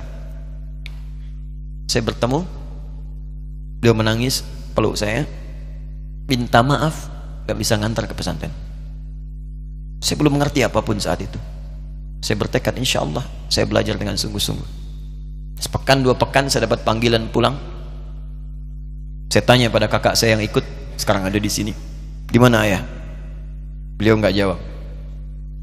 Sampai di Bandung, paman saya, beliau sekarang saya MUI Jawa Barat, langsung menyampaikan, nampaknya nggak akan terkejar sampai sana, mungkin sudah dimakamkan. Saya ngerti, paham saat itu bahwa beliau telah wafat. Maka saya pulang. Maghrib saya sampai, saya dapati ibu di ruangan tengah. Saya datangi, saya menahan tangis, tidak menangis sedikit pun untuk membahagiakan ibu saya. Saya datang, saya peluk. Saya temani tidurnya. Itu pertemuan saya dengan ayah saya terakhir di mimpi saya bermimpi melihat. Sudah pakai kemeja, tersenyum, mendadahi saya. Sudah. Besoknya saya cari ke kamar. Ternyata Allahu Akbar. Apa yang selama ini saya pelajari di pesantren, kitabnya sudah ada di kamar semua. Sudah disiapkan. Saya menangis saat itu, saya bawa mushaf. Jadi bapak saya, ayah saya, itu bajunya pun saat wafat dibagikan kepada sahabat-sahabatnya. Bajunya, kitab-kitab ini dibagikan. Ibu saya menunjukkan kemudian ada jam yang nanti nak pakai. Saya bilang simpanlah. Saya bawa mushaf. Dengan mushaf itu, saya duduk di ruangan tengah, saya menghadap ke kiblat dan saya mohon kepada Allah. Ya Allah, saya tak punya kemampuan lagi membahagiakan ayah saya saat hidup di dunia. Tapi mohon jadikan setiap huruf dalam Al-Quran ini, Ya Allah, pahalanya mengalir untuk ayah saya. Begitu saya bacakan saat itu, tak bisa saya berhenti. Dan tiba-tiba langsung masuk. Ayatnya, artinya, posisinya, nomornya. Gak pernah berhenti. Masuk, masuk, masuk, masuk. Saya bertekad ingin berbuat baik. Puncaknya saya sekolah. Ibu. Ya Allah saya ingin berbakti pada ibunda saya. Anda tahu apa yang terjadi? Demi Allah saya katakan ketika Anda bersabar. Ibu saya bu, pak. Itu krisis 97 pak. Waktu krisis. Saya masuk pesantren. Saya diberikan sempurna bekal seperti anak-anak lain. Rupanya ibu saya sudah tanya kepada santi-santi. Orang tuanya berapa bekal anda kasihkan? Dikasih yang paling tinggi itu itu dikasihkan pada kami tiap bulan. Saya terima. Satu kali libur saya pulang dari jauh, ibu saya tersenyum melihat sedang jemur pakaian lihat saya. Begitu saya tiba, kaget saya. Ini kok pakaian ibu saya pakaiannya nggak cocok dipakai gitu. Ini bukan pakaian ibu saya. Kayak kain pel lah kalau sekarang. Saya masuk ke rumah, saya kejar, saya buka pakaiannya, lemarinya. Saya nggak temukan sedikit pun. Saya kejar kakak saya. Dia sudah siapkan makan. Kak perempuan kami yang kedua. Mana pakaian ibu saya? Perhatikan jawabannya. Dia menangis saat itu. Dia bilang, Mama itu telah menjual semua perhiasan dan pakaiannya untuk pendidikan kamu. Jual. Untuk kita katanya. Jual. Dan bertahan dengan 150 ribu per bulan. Saat krisis. Jadi rupanya ibu saya itu makan nasi sehari cuma sekali. Beliau mengajar di berangkat sekolah itu cuma makan pisang, minum kopi. Makan nasinya malam. Saya bilang, ya Allah, saya akan ganti baju ibu saya dengan kain ihram dan saya gandeng tangannya di Masjidil Haram. Itu apa yang terjadi? Begitu saya kuliah di Libya, Alhamdulillah, saya berangkat, saya mulai mengajar, saya serius belajar. Saat itu kemudian, Allah mulai berikan jalan. Saya ingin sungguh-sungguh. Malam saya bangun, saya sholat, saya belajar, saya menghafal Quran, saya belajar riwayat Quran sampai puncaknya tiba. Saya ditugaskan pemerintah Indonesia saat itu untuk jadi petugas haji di Mekah. Saya telepon ibu saya. Saya bilang ma saya insya Allah akan haji 2010 saya telepon Februari saat itu. Saya dengar suara. Terbayang wajahnya indah senyuman bahagia. Alhamdulillah nak. Kapan berangkat? Tahun ini insya Allah. Saya bilang dan saya tidak akan pernah berangkat kecuali mama pun akan berangkat terdengar nada pesimis tapi senyum. Dari mana katanya. Allah akan kasih saya bilang. Saya sedang bekerja berusaha karena Allah. Mustahil Allah akan sia-siakan gitu berapa butuhnya? Porsinya 25 juta. Kapan harus ada? Bulan Juni. Ya jadi dari Februari ke Juni itu. Ya Juli Juli bukan Juni Juli. Ya jadi saya masih ingat bulan 7 5 bulan tuh. Saya ibu pak ah, nabung saya. Saya beli tabungan saya niatkan untuk ibu saya haji Bulan Juli mesti setor 25 juta. Jadi semua tabungan masukin situ. Ada yang ngajar ngasih masukin situ. Masukin semua. Tepat sepekan sebelum itu kemudian didaftarkan, saya buka tabungan. Allahu Akbar, karunia Allah luar biasa. Tadi butuh berapa? 25 juta. Begitu dibuka, ah Masya Allah, satu juta. Karena beasiswa nggak banyak, satu juta. Tapi tiga hari sebelum daftar, Entah dari mana ibu-ibu pengajian nih KBRI datang. Ustaz, ibu katanya mau haji juga ya? Ustaz mau haji ya, ibu ikut ya? Sudah nggak usah dipikirin, nanti kami yang pikirkan semuanya. Tiba-tiba dikirim, bayar porsinya di sana. Dapat koper paling besar. Bayangkan, tadinya kopernya belum datang. Telepon lagi, nak koper belum datang katanya. Saya bilang, ma tenang aja. Apa hajinya nggak jelas ini? Tidak jelas saya bilang insya Allah ya. Nah cuman beritanya berbeda. Begitu saya telepon lagi, ma gimana bisa? Nah telah keluar pengumumannya Kapan mah? 2013. Loh kan saya haji 2010, nggak bisa harus 2010. Lihat kalimat ibunda saya. Nah, jangan pernah mengambil hak orang lain. Allah kasih 2013, alhamdulillah. Saya bilang, "Mah, kita tidak harus mengambil hak orang lain." Tapi kita meminta kepada Allah yang memanggil kita, boleh jadi Allah akan berikan tambahan kuota pada tahun ini. Doa lagi, minta, datang ke masjid tiba-tiba ada sidang oki di Istanbul saat itu keputusan satu seribu. Setiap ada seribu muslim satu kuotanya. Saat itu Indonesia dapat tambahan 22 ribu termasuk ibu saya ada di situ.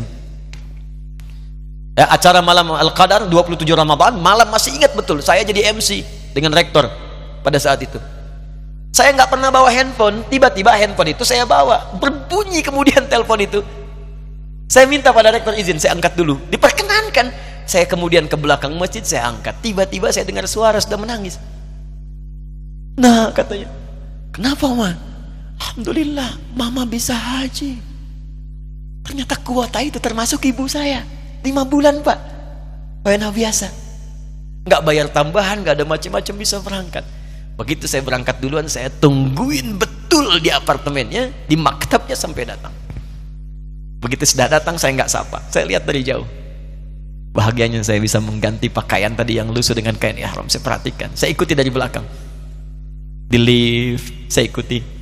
Di jalan saya ikuti. Begitu sampai Masjidil Haram saya gandeng tangannya. Ma kita sama-sama. Terbaik Allahumma terbaik terbaik kalau syarika laka baik saya tawaf. Saya gandeng ibu saya saya lindungi supaya dapat kenikmatan dalam tawafnya.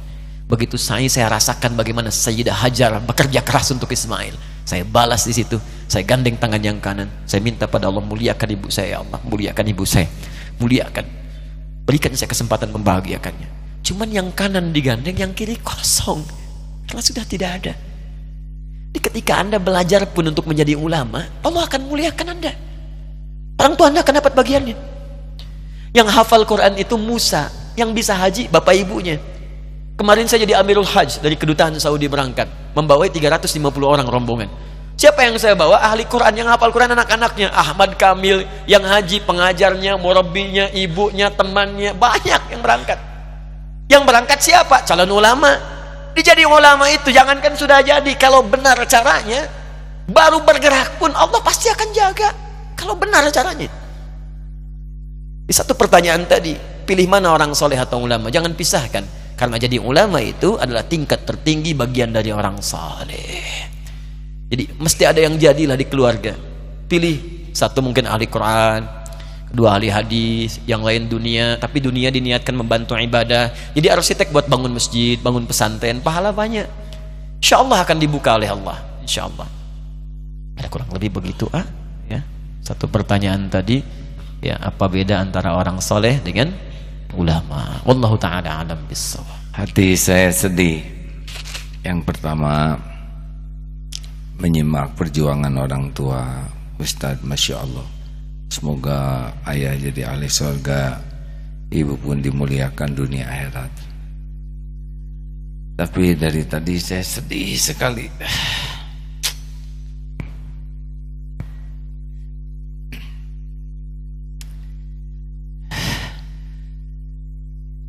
mendengar uraian tentang ulama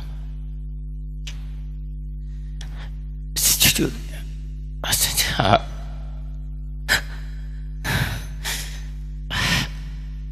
sepertinya jauh sekali. Dari yang sampaikan tadi saya kurang belum mengerti jangan kenapa bahasa Arab juga tidak fasih ilmu kita jauh. Gimana Ustaz? Ah, kepikir punya posisi seperti sekarang ini. Tapi kalau kriteria ulama seperti tadi,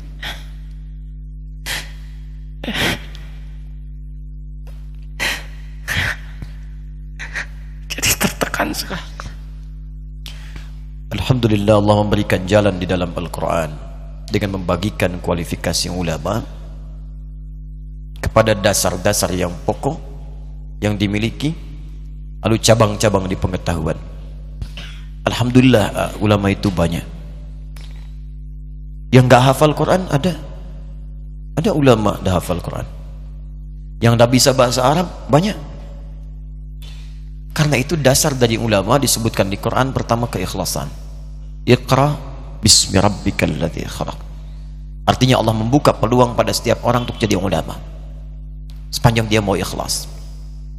Kedua tafakuh fid din, Quran surah ke-9 ayat 122. Dia mau belajar. Gak harus menguasai semua ilmu. Tidak. Apa yang kita ingin ajarkan itu yang kita dalami. Sepengetahuan kami demikian. Saya pernah dinasehati profesor kami saat di Libya. Semoga Allah muliakan beliau. Nah, kata beliau,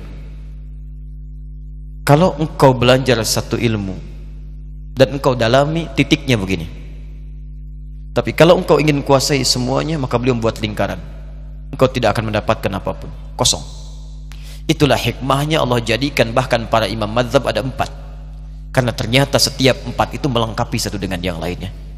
Kenapa Luqman disebut dengan Al-Hakim? Karena ilmunya memang ilmu hikmah. Gak ada yang lainnya. Lukman bukan ahli fikih. Lukman bukan ahli tafsir. Tapi belajar hikmah dipraktekkan. Saking dihormatinya, diapresiasi oleh Allah, diabadikan namanya dalam Al-Quran surah ke-31 surah Lukman. Imran bukan ulama. Imran orang soleh. Tapi menyiapkan anaknya Maryam dekat dengan Allah. Fokus ibadah. Satu passion Diberuntungnya ah, turun ayat kata Allah wa makanal mu'minuna liyanfiru kafa. Tidak semua orang mesti berperang, semua berjihad. Ada pahala besar yang akan aku turunkan. Ya, falaula nafara min kulli firqatin minhum ta'ifal yatafaqahu fid din. Hendaklah ada sebagian orang yang ingin bertafakuh fid din. Ad-din itu Islam. Quran surah ketiga ayat 19. Inna dina indallahil Islam. Islam pun dibagi lagi di hadis Muslim. Ya, pertama al-Islamu an tashhada an la ilaha illallah wa anna Muhammad Rasulullah. Orang Islam itu bersyahadat, syahadat ada ilmunya. Quran surah ke-47 ayat 19 fa'lam mesti punya ilmu annahu la ilaha illallah. Untuk bisa menguatkan tauhid kita bahwa tidak ada Tuhan selain Allah. Ilmunya disebut dengan ilmu tauhid. Di ada ulama yang fokus di tauhid saja. Oh, bisa ambil itu. Dalami. Ada yang mengajarkan tauhid aja tauhid sampai kuliah ada yang dulu, dulu tuh nggak ada kampus nggak ada apa-apa. Ada yang fokus ke situ aja. Ngajarnya tauhid. Yang dibahas gak banyak-banyak.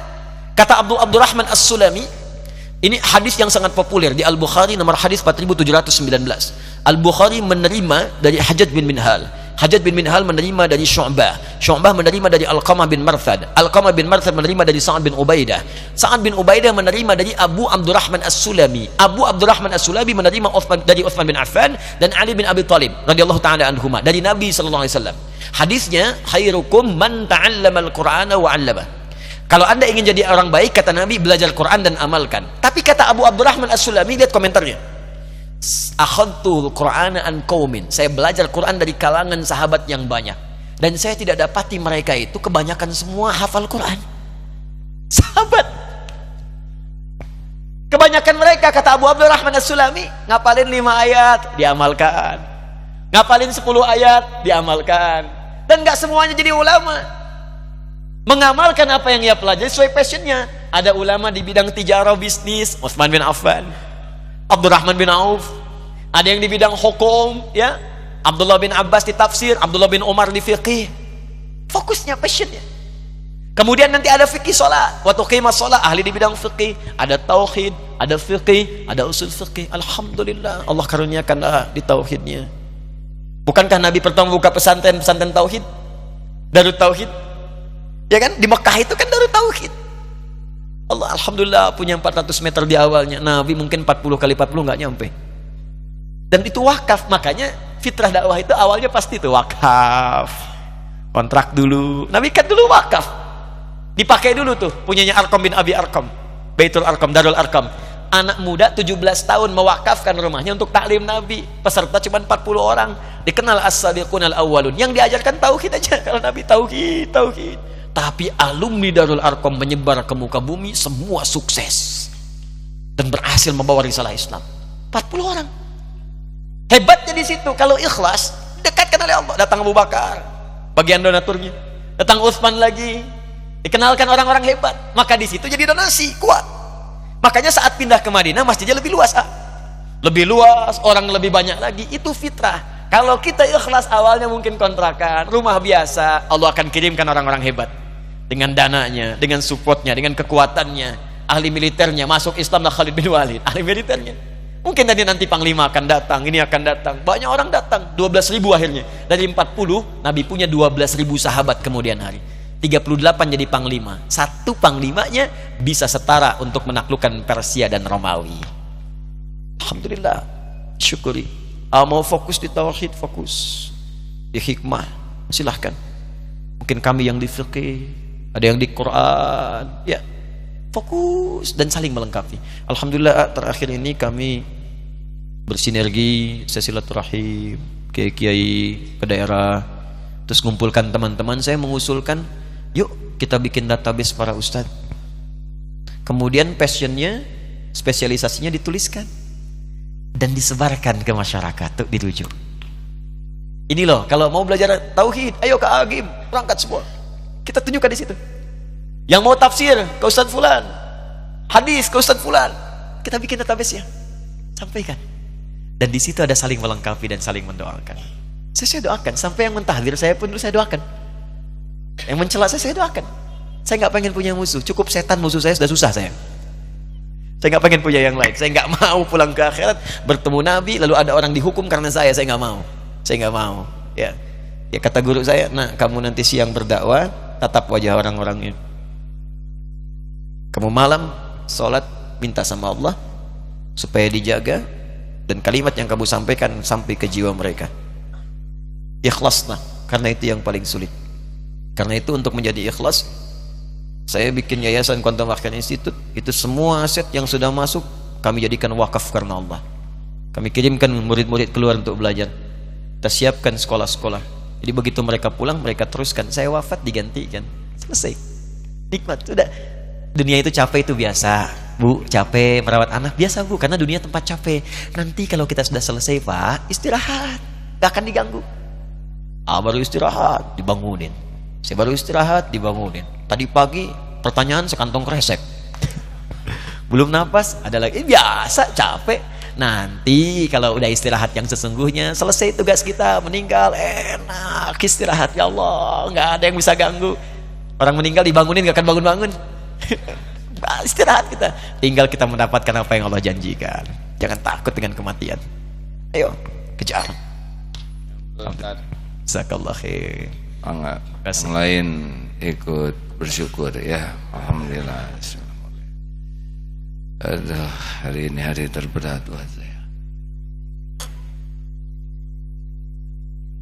Tadi naik sepeda ke Eko Pesantren 2 itu berat capek. Tapi mendengar ceramah tadi aduh hati saya hancur sekali Ustaz. Mungkin mudah-mudahan tidak ada yang memperhatikan wajah saya tadi merah sekali lebih merah daripada kejemur. Karena ya seperti yang tadi diungkapkan tapi jawaban Ustadz Masya Allah Alhamdulillah melegakan. Saya juga belajar Ustadz ngapalin gitu. Gak malu di sini banyak santri penghafal Quran. Tapi ya itulah hadirin. Saya juga berusaha ngapalin yang di atas di bawah seperti Ustadz ya. Tapi nggak ingat halamannya hadirin ingat atasnya bawahnya nggak ingat ayatnya. Pusing saya. Semoga jadi kalau saya dari tadi dengar tuh asli tuh ya. Aduh ya Allah jauh jauh saya tuh apa ilmu saya di mana? Beliau segala tahu segala diomongin. Saya paling tahu soleh itu karyawan kamu ini. Soleh ya kamu udah punya istri belum? Sekarang kita tahu seperti apa ya soleh itu ternyata dari toyib khair ma'ruf wa ihsan. Ini Ustadz saya itu sudah tua ya. Ciri-ciri orang yang sudah tua itu ada tiga. Satu cepat lupa. Yang kedua dan yang ketiga saya lupa Ustadz. Lanjutkan Ustadz. Baik, silakan. Alhamdulillah. Silakan. Beliau izin ke belakang.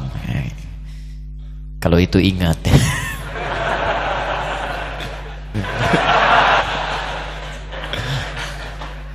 Baik. Ini saya harus mohon maaf sebesar-besarnya.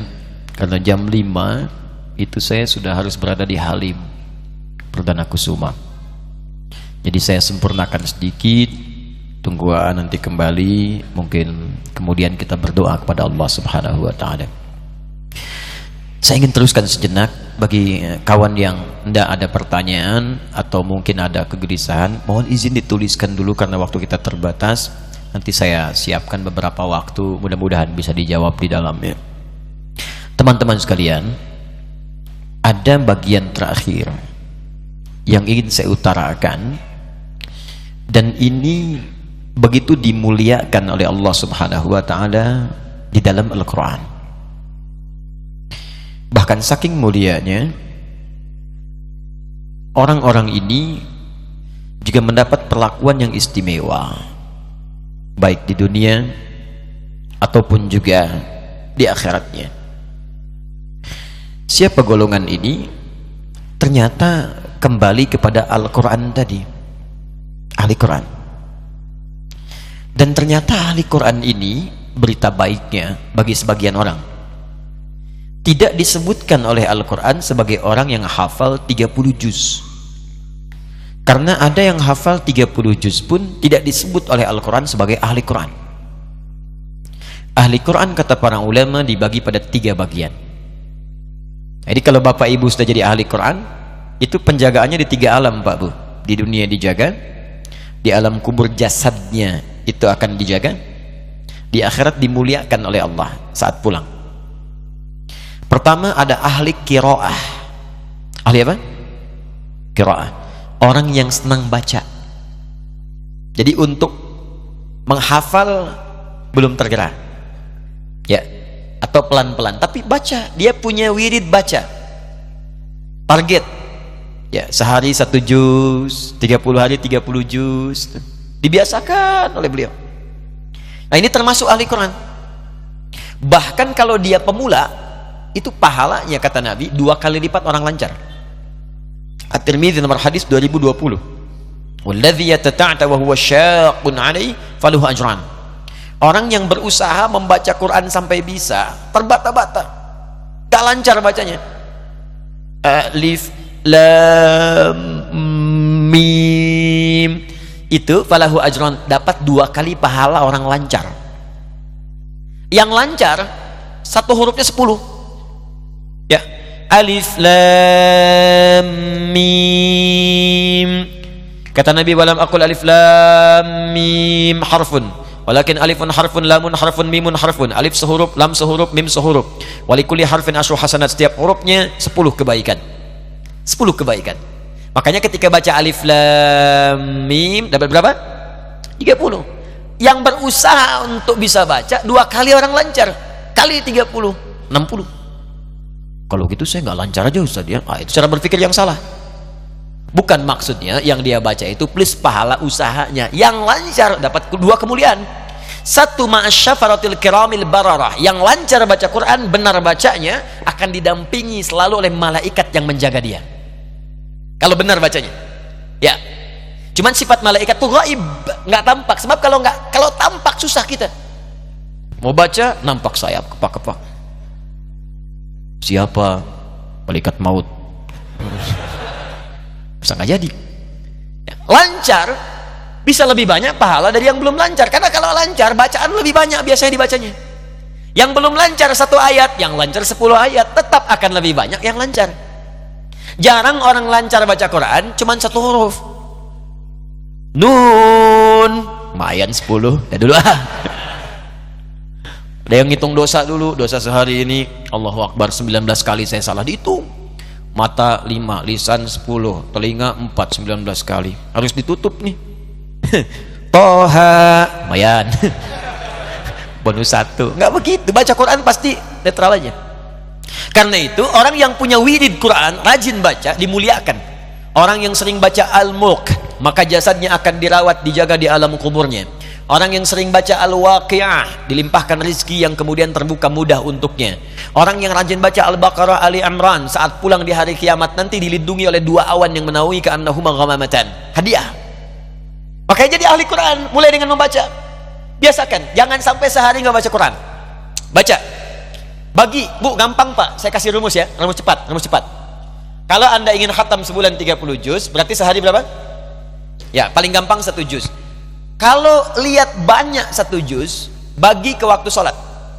Juz pertama misalnya Al-Fatihah plus 141 ayat Al-Baqarah. Al-Fatihah simpanlah, kita sudah hafal kan? 141 bagi 5, berapa? 28. 28, subuh 28, zuhur 28, asar, maghrib, isya 28. Kepanjangan Ustadz bagi dua. Sebelum subuh 14, setelah subuh 14. 14, 14. 14 ayat itu berapa menit sih? Paling 5 menit apa tak punya lima menit untuk akhirat kita itu surga kita jadi kalau anda investasi sebelum sholat 5 sampai 10 menit setelah sholat 5 sampai 10 menit walaupun anda buru-buru di jalan bacakan ya di mobil di kantor nyampe jeda baca cuma 5 menit kok 10 menit maka kalau dibiasakan jadilah anda bagian dari ahli Quran kalau anda wafat sedang menjadi bagian itu sedang baca mau baca buka musab niat baca wafat jadi ahli Quran seketika Dua, ahli tilawah. Rajin mengkaji. Ini kata Abu Abdurrahman As-Sulami, nggak banyak hafalnya. Mohon maaf kalau baca pun 5, 10, tapi dia suka mengkaji. Bapak Ibu pasang target ya. Misal gini, saya kan sholat tiap hari baca Al-Fatihah. Masa nggak paham Al-Fatihah? Sebulan ini pengen belajar Al-Fatihah. Baca. Pekan depannya dari Ad-Duha urut sampai An-Nas. Ad-Duha dulu, pahami artinya, tafsirnya, baca referensinya, sampai mengerti itu lebih tinggi nilainya dari yang kedua yang pertama maaf dari yang pertama pertama disebut kiroah orangnya kori yang kedua disebut tilawah baca dan pahami orang tilawah pasti membaca ya kan kemudian memahaminya. Jadi orang tilawah itu dapat pahala baca dapat pahala mengamalkan. Makanya orang tilawah dapat pahala lebih banyak dibandingkan dengan yang kiraah saja. Bikin target. Kalau mau paling gampang saya berikan rahasia. Ini supaya kita semangat untuk bertilawah. Eh, maaf ini rahasia. Saya pelan-pelan sampaikan. Kalau bisa anda keluarkan ayat-ayat Quran sesuai dengan profesi dan kebutuhan kita. Suara saya? Ay, kalau bisa keluarkan ayat-ayat Quran sesuai profesi dan kebutuhan kita. Contoh, ya, saya mohon izin, ah, ini ada di atas ini hilang satu. Kalau pesawat sayapnya hilang satu jatuh nanti. ya. Alhamdulillah. Tahu ya? Baik. Baik. Anda berapa tahun jadi ibu? Berapa tahun jadi ayah? Kenapa tidak mengeluarkan ayat-ayat Quran tentang ibu, tentang ayah? Nikmati itu. Kaji, amalkan. Berapa tahun jadi anak? Keluarkan ayat-ayat Quran tentang anak. Ada semuanya. Anda yang pebisnis, keluarkan ayat-ayat bisnis. Penuntut ilmu, keluarkan ayat-ayat belajar. Ada semua. Cara cepat menghafal.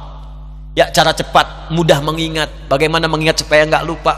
Ada empat jenis. Tapi di Quran memberikan yang kelima. Pertama kan cepat ingat, lambat lupa. Satu. Ya. Yang kedua, cepat ingat, cepat lupa. Ya. Yang ketiga, lambat ingat, lambat lupa. Yang keempatnya agak repot. Lambat ingat, cepat lupa. Nah, kita nerangin sama berdua. Jam 2 mau pamit. Paham? Belum. Terangin lagi paham? Iya Ustadz. Keluar masjid lupa lagi. Tapi kalau anda ikut pada manhaj Al-Quran, Allah akan berikan yang kelima yang belum banyak didapatkan di bumi. Cepat ingat, sulit lupa. Jadi mau lupa aja sulit, bukan mau ingat. Mau lupa susah. Biasanya kan yang begitu utang. Ini ilmu. Kaji. Nah, ini nomor dua, tilawah. Beruntung saat sedang tilawah tiba-tiba wafat ahli Quran. Tiga, itu yang penghafal. Pelan-pelan Penghafal, mulai. Ya, penghafal Quran itu, Bu, Pak, ini rahasia besar di Quran. Disebut penghafal yang benar, bukan yang 30 juz.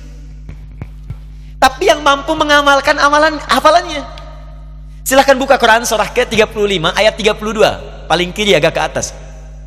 ثم أورثنا الكتاب الذين اصطفينا من عبادنا فمنهم ظالم لنفسه satu ومنهم مقتصد dua Wa minhum sabiqum bil khairati biiznillah. Tiga. Ini yang ketiga yang betul.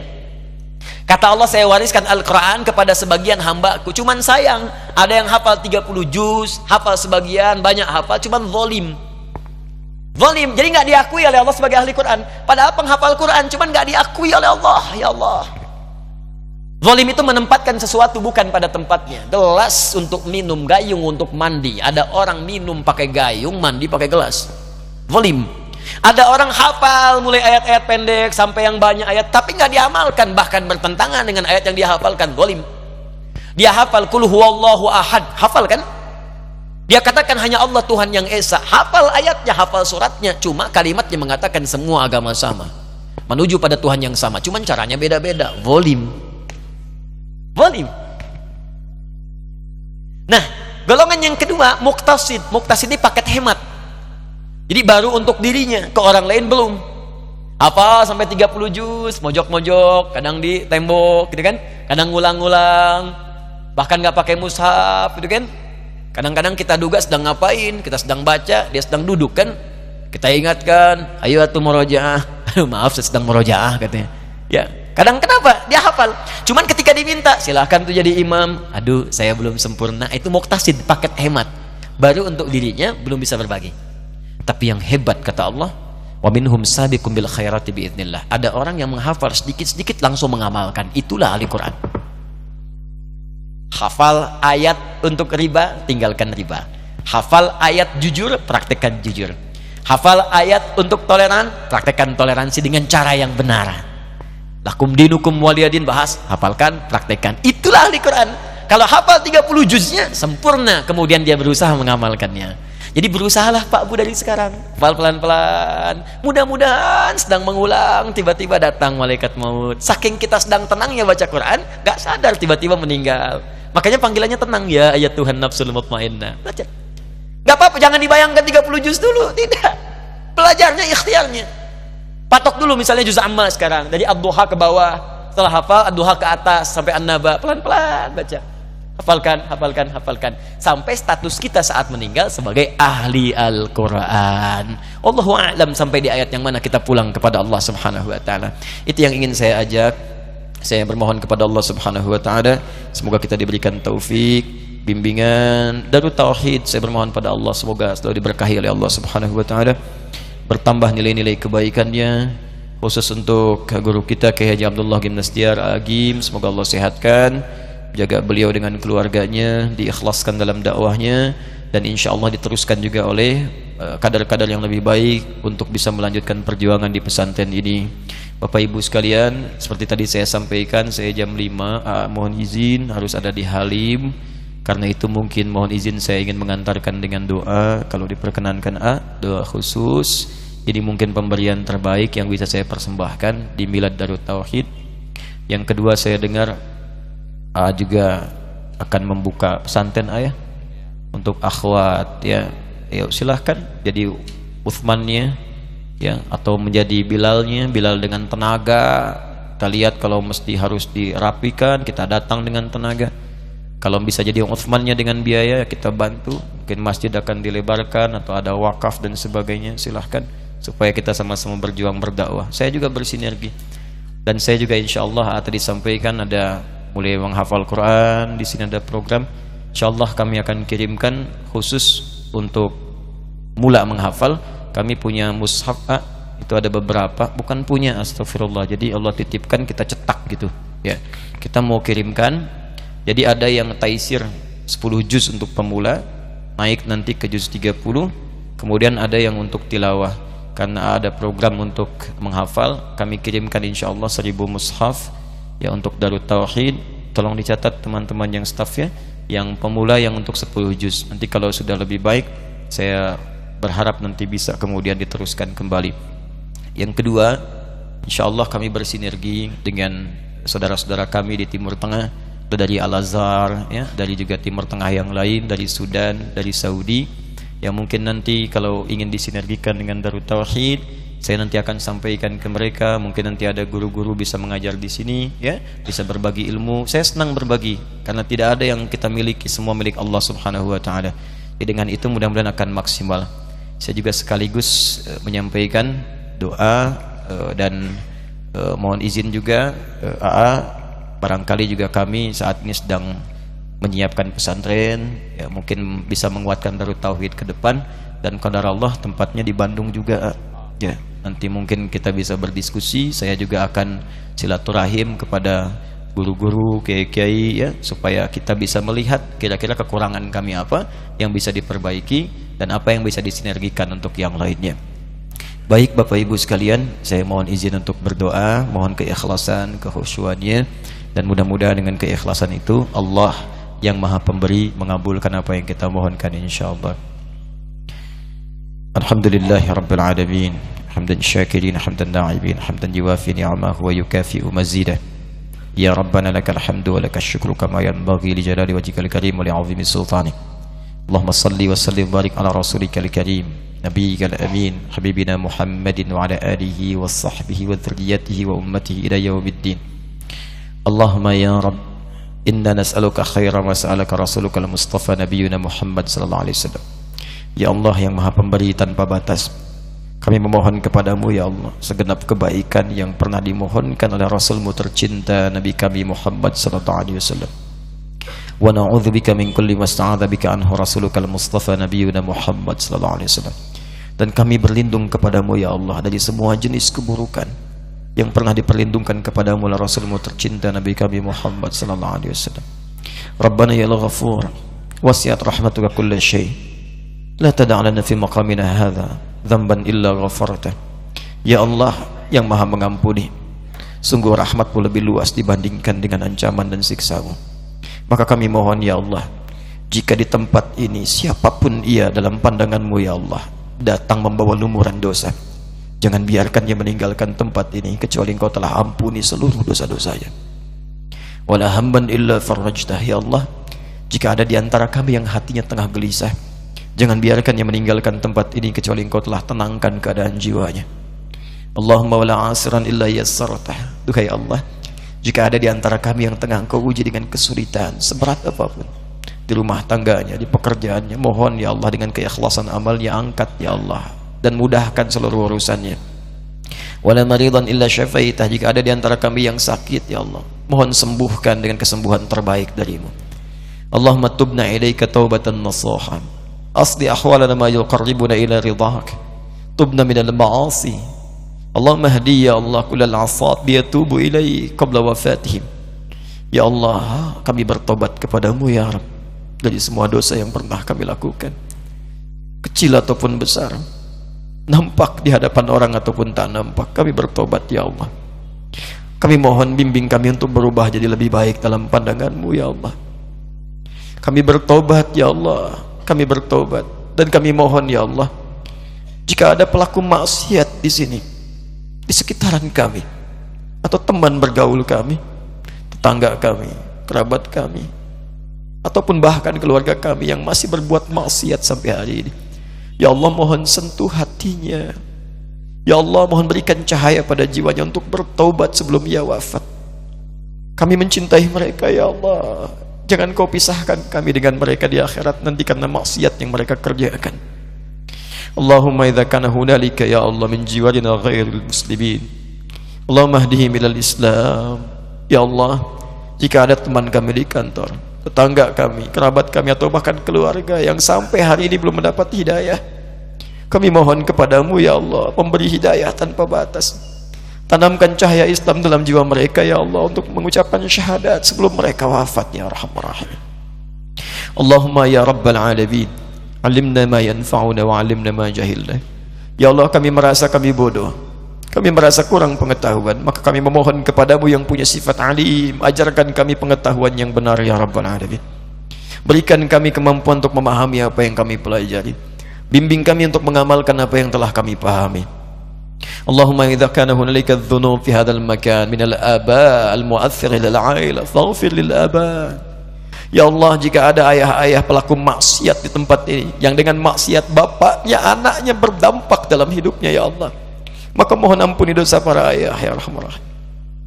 Allahumma ighfir lil ummahat idza kana hunalika ya Allah minal asat allati tu'athir ila abnaiha faghfir dan jika ada para ibu ya Allah yang masa lalunya pernah bermaksiat sekarang pun masih bermaksiat yang dengan maksiatnya berdampak kepada anak keturunannya ya Allah.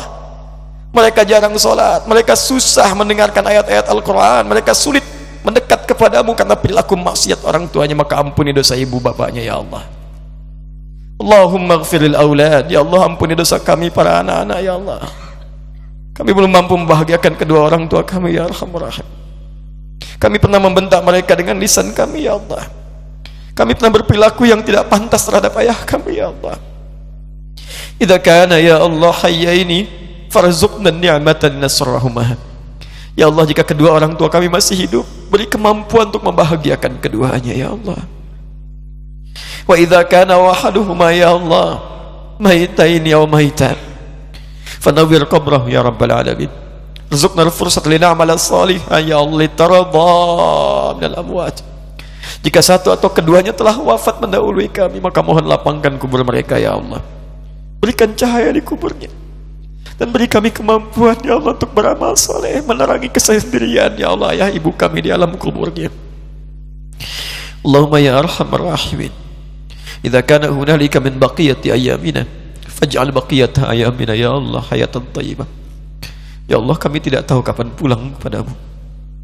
Namun jika masih terbuka lembaran kehidupan bagi kami esok hari atau lebih panjang Maka mohon jadikan sisa hidup kami lebih baik daripada sebelumnya. Kami ingin berubah jadi orang baik ya Allah. Kami bertobat. Kami malu disebut baik oleh orang dunia. Tapi masih banyak aib di hadapanmu. Bimbing kami ya Allah. Bimbing kami. Kami mohon jangan tinggalkan kami ya Rabbal Alamin Allahumma idza kana hadzal yawm min akhir hayatina faj'al akhir hayatina husnal khatimah. Dan bila hari ini kami mesti pulang menghadap kepadamu ya Allah kami mohon jadikan hari ini husnul khatimah untuk kami. Khafif lisanana linakula kalimat tauhid la ilaha illallah. Ya Allah jika kami berhadapan dengan sakratul maut pun di hari ini mohon ringankan lisan kami untuk mengucapkan kalimat tauhid. La ilaha illallah di sakratul maut kami. Wajib ya Allah kalimatina ya Allah. Bidu'aika wa bininaika binidaika ya ayyatuhan nafsul mutmainnah irji'i ila rabbika radiyatan maradiyah fadkhuli fi ibadi wadkhuli jannati. Kami mohon ya Allah Kelak jika kami mengucapkan kalimat tauhid itu mohon jawab dengan panggilanmu yang indah. Hei jiwa-jiwa yang tenang. Cepat pulang kepadaku. Aku ridha dengan semua amalmu. Engkau pun akan ridha. Engkau pun akan ridha dengan pemberianku. Masuk golongan hambaku yang soleh. Aku siapkan surga untukmu sekarang. Allahumma shtaqna bi Rasulillah sallallahu alaihi wasallam. Lam narahu ya Allah fil manam wa lam na'ish ma'ahu fil hayat. Ya Allah kami merindukan Rasulullah sallallahu alaihi wasallam. Kami tak pernah hidup dengan beliau di dunia. Jarang bermimpi atau bahkan tak pernah melihat beliau di alam mimpi kami. Kami rindu Rasulullah ya Allah. Kami rindu Rasulullah. Allahumma la tudayyi fursatana bil liqa'i ma Rasulillah fi jannatikal firdausil a'la. Ya Allah kami mohon pertemukan kami ya Allah dengan Rasulullah di hari kiamat nanti di surga terindahmu ma'ailatina bersama seluruh keluarga kami ya Allah. Aqribaina kerabat-kerabat kami wassalihin minal mu'minina wal mu'minat. Ya Allah bersama seluruh orang soleh. Mu'minin mu'minat muslimin muslimat. Allahumma ya arhamar rahimin khusuka bid du'a di hadzal ma'had darut tauhid. Ya Allah kami khusus berdoa bermohon kepadamu ya Allah untuk pesantren darut tauhid ini. Allah barik hadzal ma'had mubarakan taman kamilan alladhi tarda wa tuhibbu. Ya Allah anugerahkan curahan berkah dan rahmat bagi pesantren ini. Dengan keberkahan yang engkau cintai dan ridai Allah menawir hadzal ma'had ya Allah. Nawir hadzal ma'had li yarfa' min la'i kalimatika ya rabbal alamin rayatul islam. Ya Allah berikan cahaya pada pesantren ini. Agar pesantren ini mampu melahirkan orang-orang baik. Yang bisa memberikan cahaya Islam di mana pun mereka beraktivitas. Allahumma ya Allah fadl kulla mushimi hadzal ma'had khasatan muassisihi akhuna ya Allah al-ustaz Kiai Haji Abdullah bin Nastir wa ailati Ya Allah kami mohon anugerahkan keberkahan penjagaan terbaik kepada seluruh yang berkontribusi hadirnya makmurnya pesantren ini khususnya pada para pendirinya khusus kepada sahabat kami guru kami Kiai Haji Abdullah bin Nastir beserta seluruh keluarganya. Allahumma fadhu ya Allah hifdan kamilan afiyah Ya Allah jaga kesehatan beliau. Anugerahkan penjagaan terbaik. Allahumma jannibnu minal fitnah Ya Allah tadarra Ya Allah jauhkan beliau dari fitnah yang bisa menyakiti keadaan beliau dan keluarganya. Allahumma ja'alhu minal mukhlasin. Ya Allah jadikan beliau termasuk orang ikhlas dalam berdakwahnya. Allahumma ja'alhu ya Allah minal muttaqin. Ya Allah bimbing beliau supaya bisa selalu meningkatkan takwa dalam dakwah dan ibadahnya. Allahumma alhiqna ma'ahu fi kulli ya Allah fadaili ya rahman rahim. Dan kami mohon sertakan kami bersama beliau dalam semua keutamaan yang kau anugerahkan kepada beliau ya arhamar rahimin. Allahumma rabbana atina fid dunya hasanah fil akhirati hasanah wa qina adzabannar bifadlika subhana rabbika rabbil izzati amma yasifun wa salamun alal mursalin. Subhanakallahumma wa bihamdika asyhadu an la ilaha illa anta astaghfiruka wa atubu ilaik wa akhiru da'wana alhamdulillahi rabbil alamin. Thumma assalamu alaikum warahmatullahi wabarakatuh Allahumma salli Ya Allah, wahai yang maha mendengar. Jadikan Ustaz Adi ini menjadi ulama kekasihmu. Buatlah hatinya selalu merindukanmu ya Allah. Dan golongkan menjadi hamba yang kau rindukan. Jadikan hatinya selalu cinta padamu. Dan menjadi hamba yang kau cintai. Istiqomahkan ya Allah taqabbal minna ya arhamar rahimin. Innaka antas samiul alim. Jua keluarga dan keturunannya ya Allah. Dan orang tuanya karim. Amin ya rabbal alamin. Alhamdulillah. Jazakallahu ustaz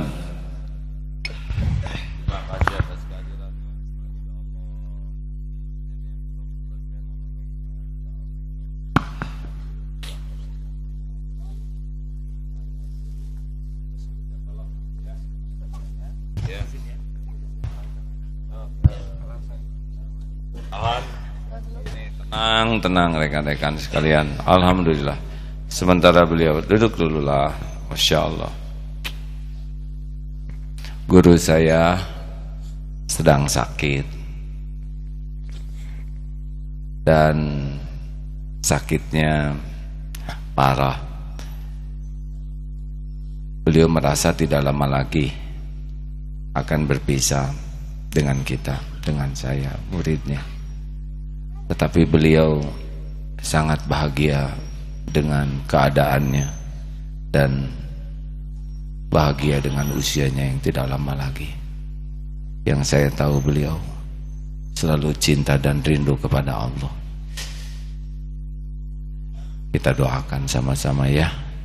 Semoga guru ini saya tetap berharap guru saya diberi kesembuhan dan diberikan kesempatan untuk lebih lama menyampaikan ilmu-ilmu dan bimbingannya. Allahumma sholli wa sallim. Ya Rabbana sayyidil ba'si ya Allah. Asbihu ya Allah la shifa illa shifa'uk. Shifa la yughadiru saqam. Amin ya Allah. Terima kasih hadirin. Saya mendengar uraian beliau tentang ulama yang senang dengan sakit dan guru saya menyukai saat-saat seperti sekarang ini. Terima kasih hadirin sekalian. Jangan lupa bersedekah ya sebagai rasa syukur kita atas dapat ilmu ini. Saya izin menemani beliau dulu ya. Jazakumullah khair. Subhanakallahumma bihamdik asyhadu alla ilaha illa anta astaghfiruka wa atubu ilaik. Assalamualaikum warahmatullahi wabarakatuh. Bersedekahlah sahabat-sahabat.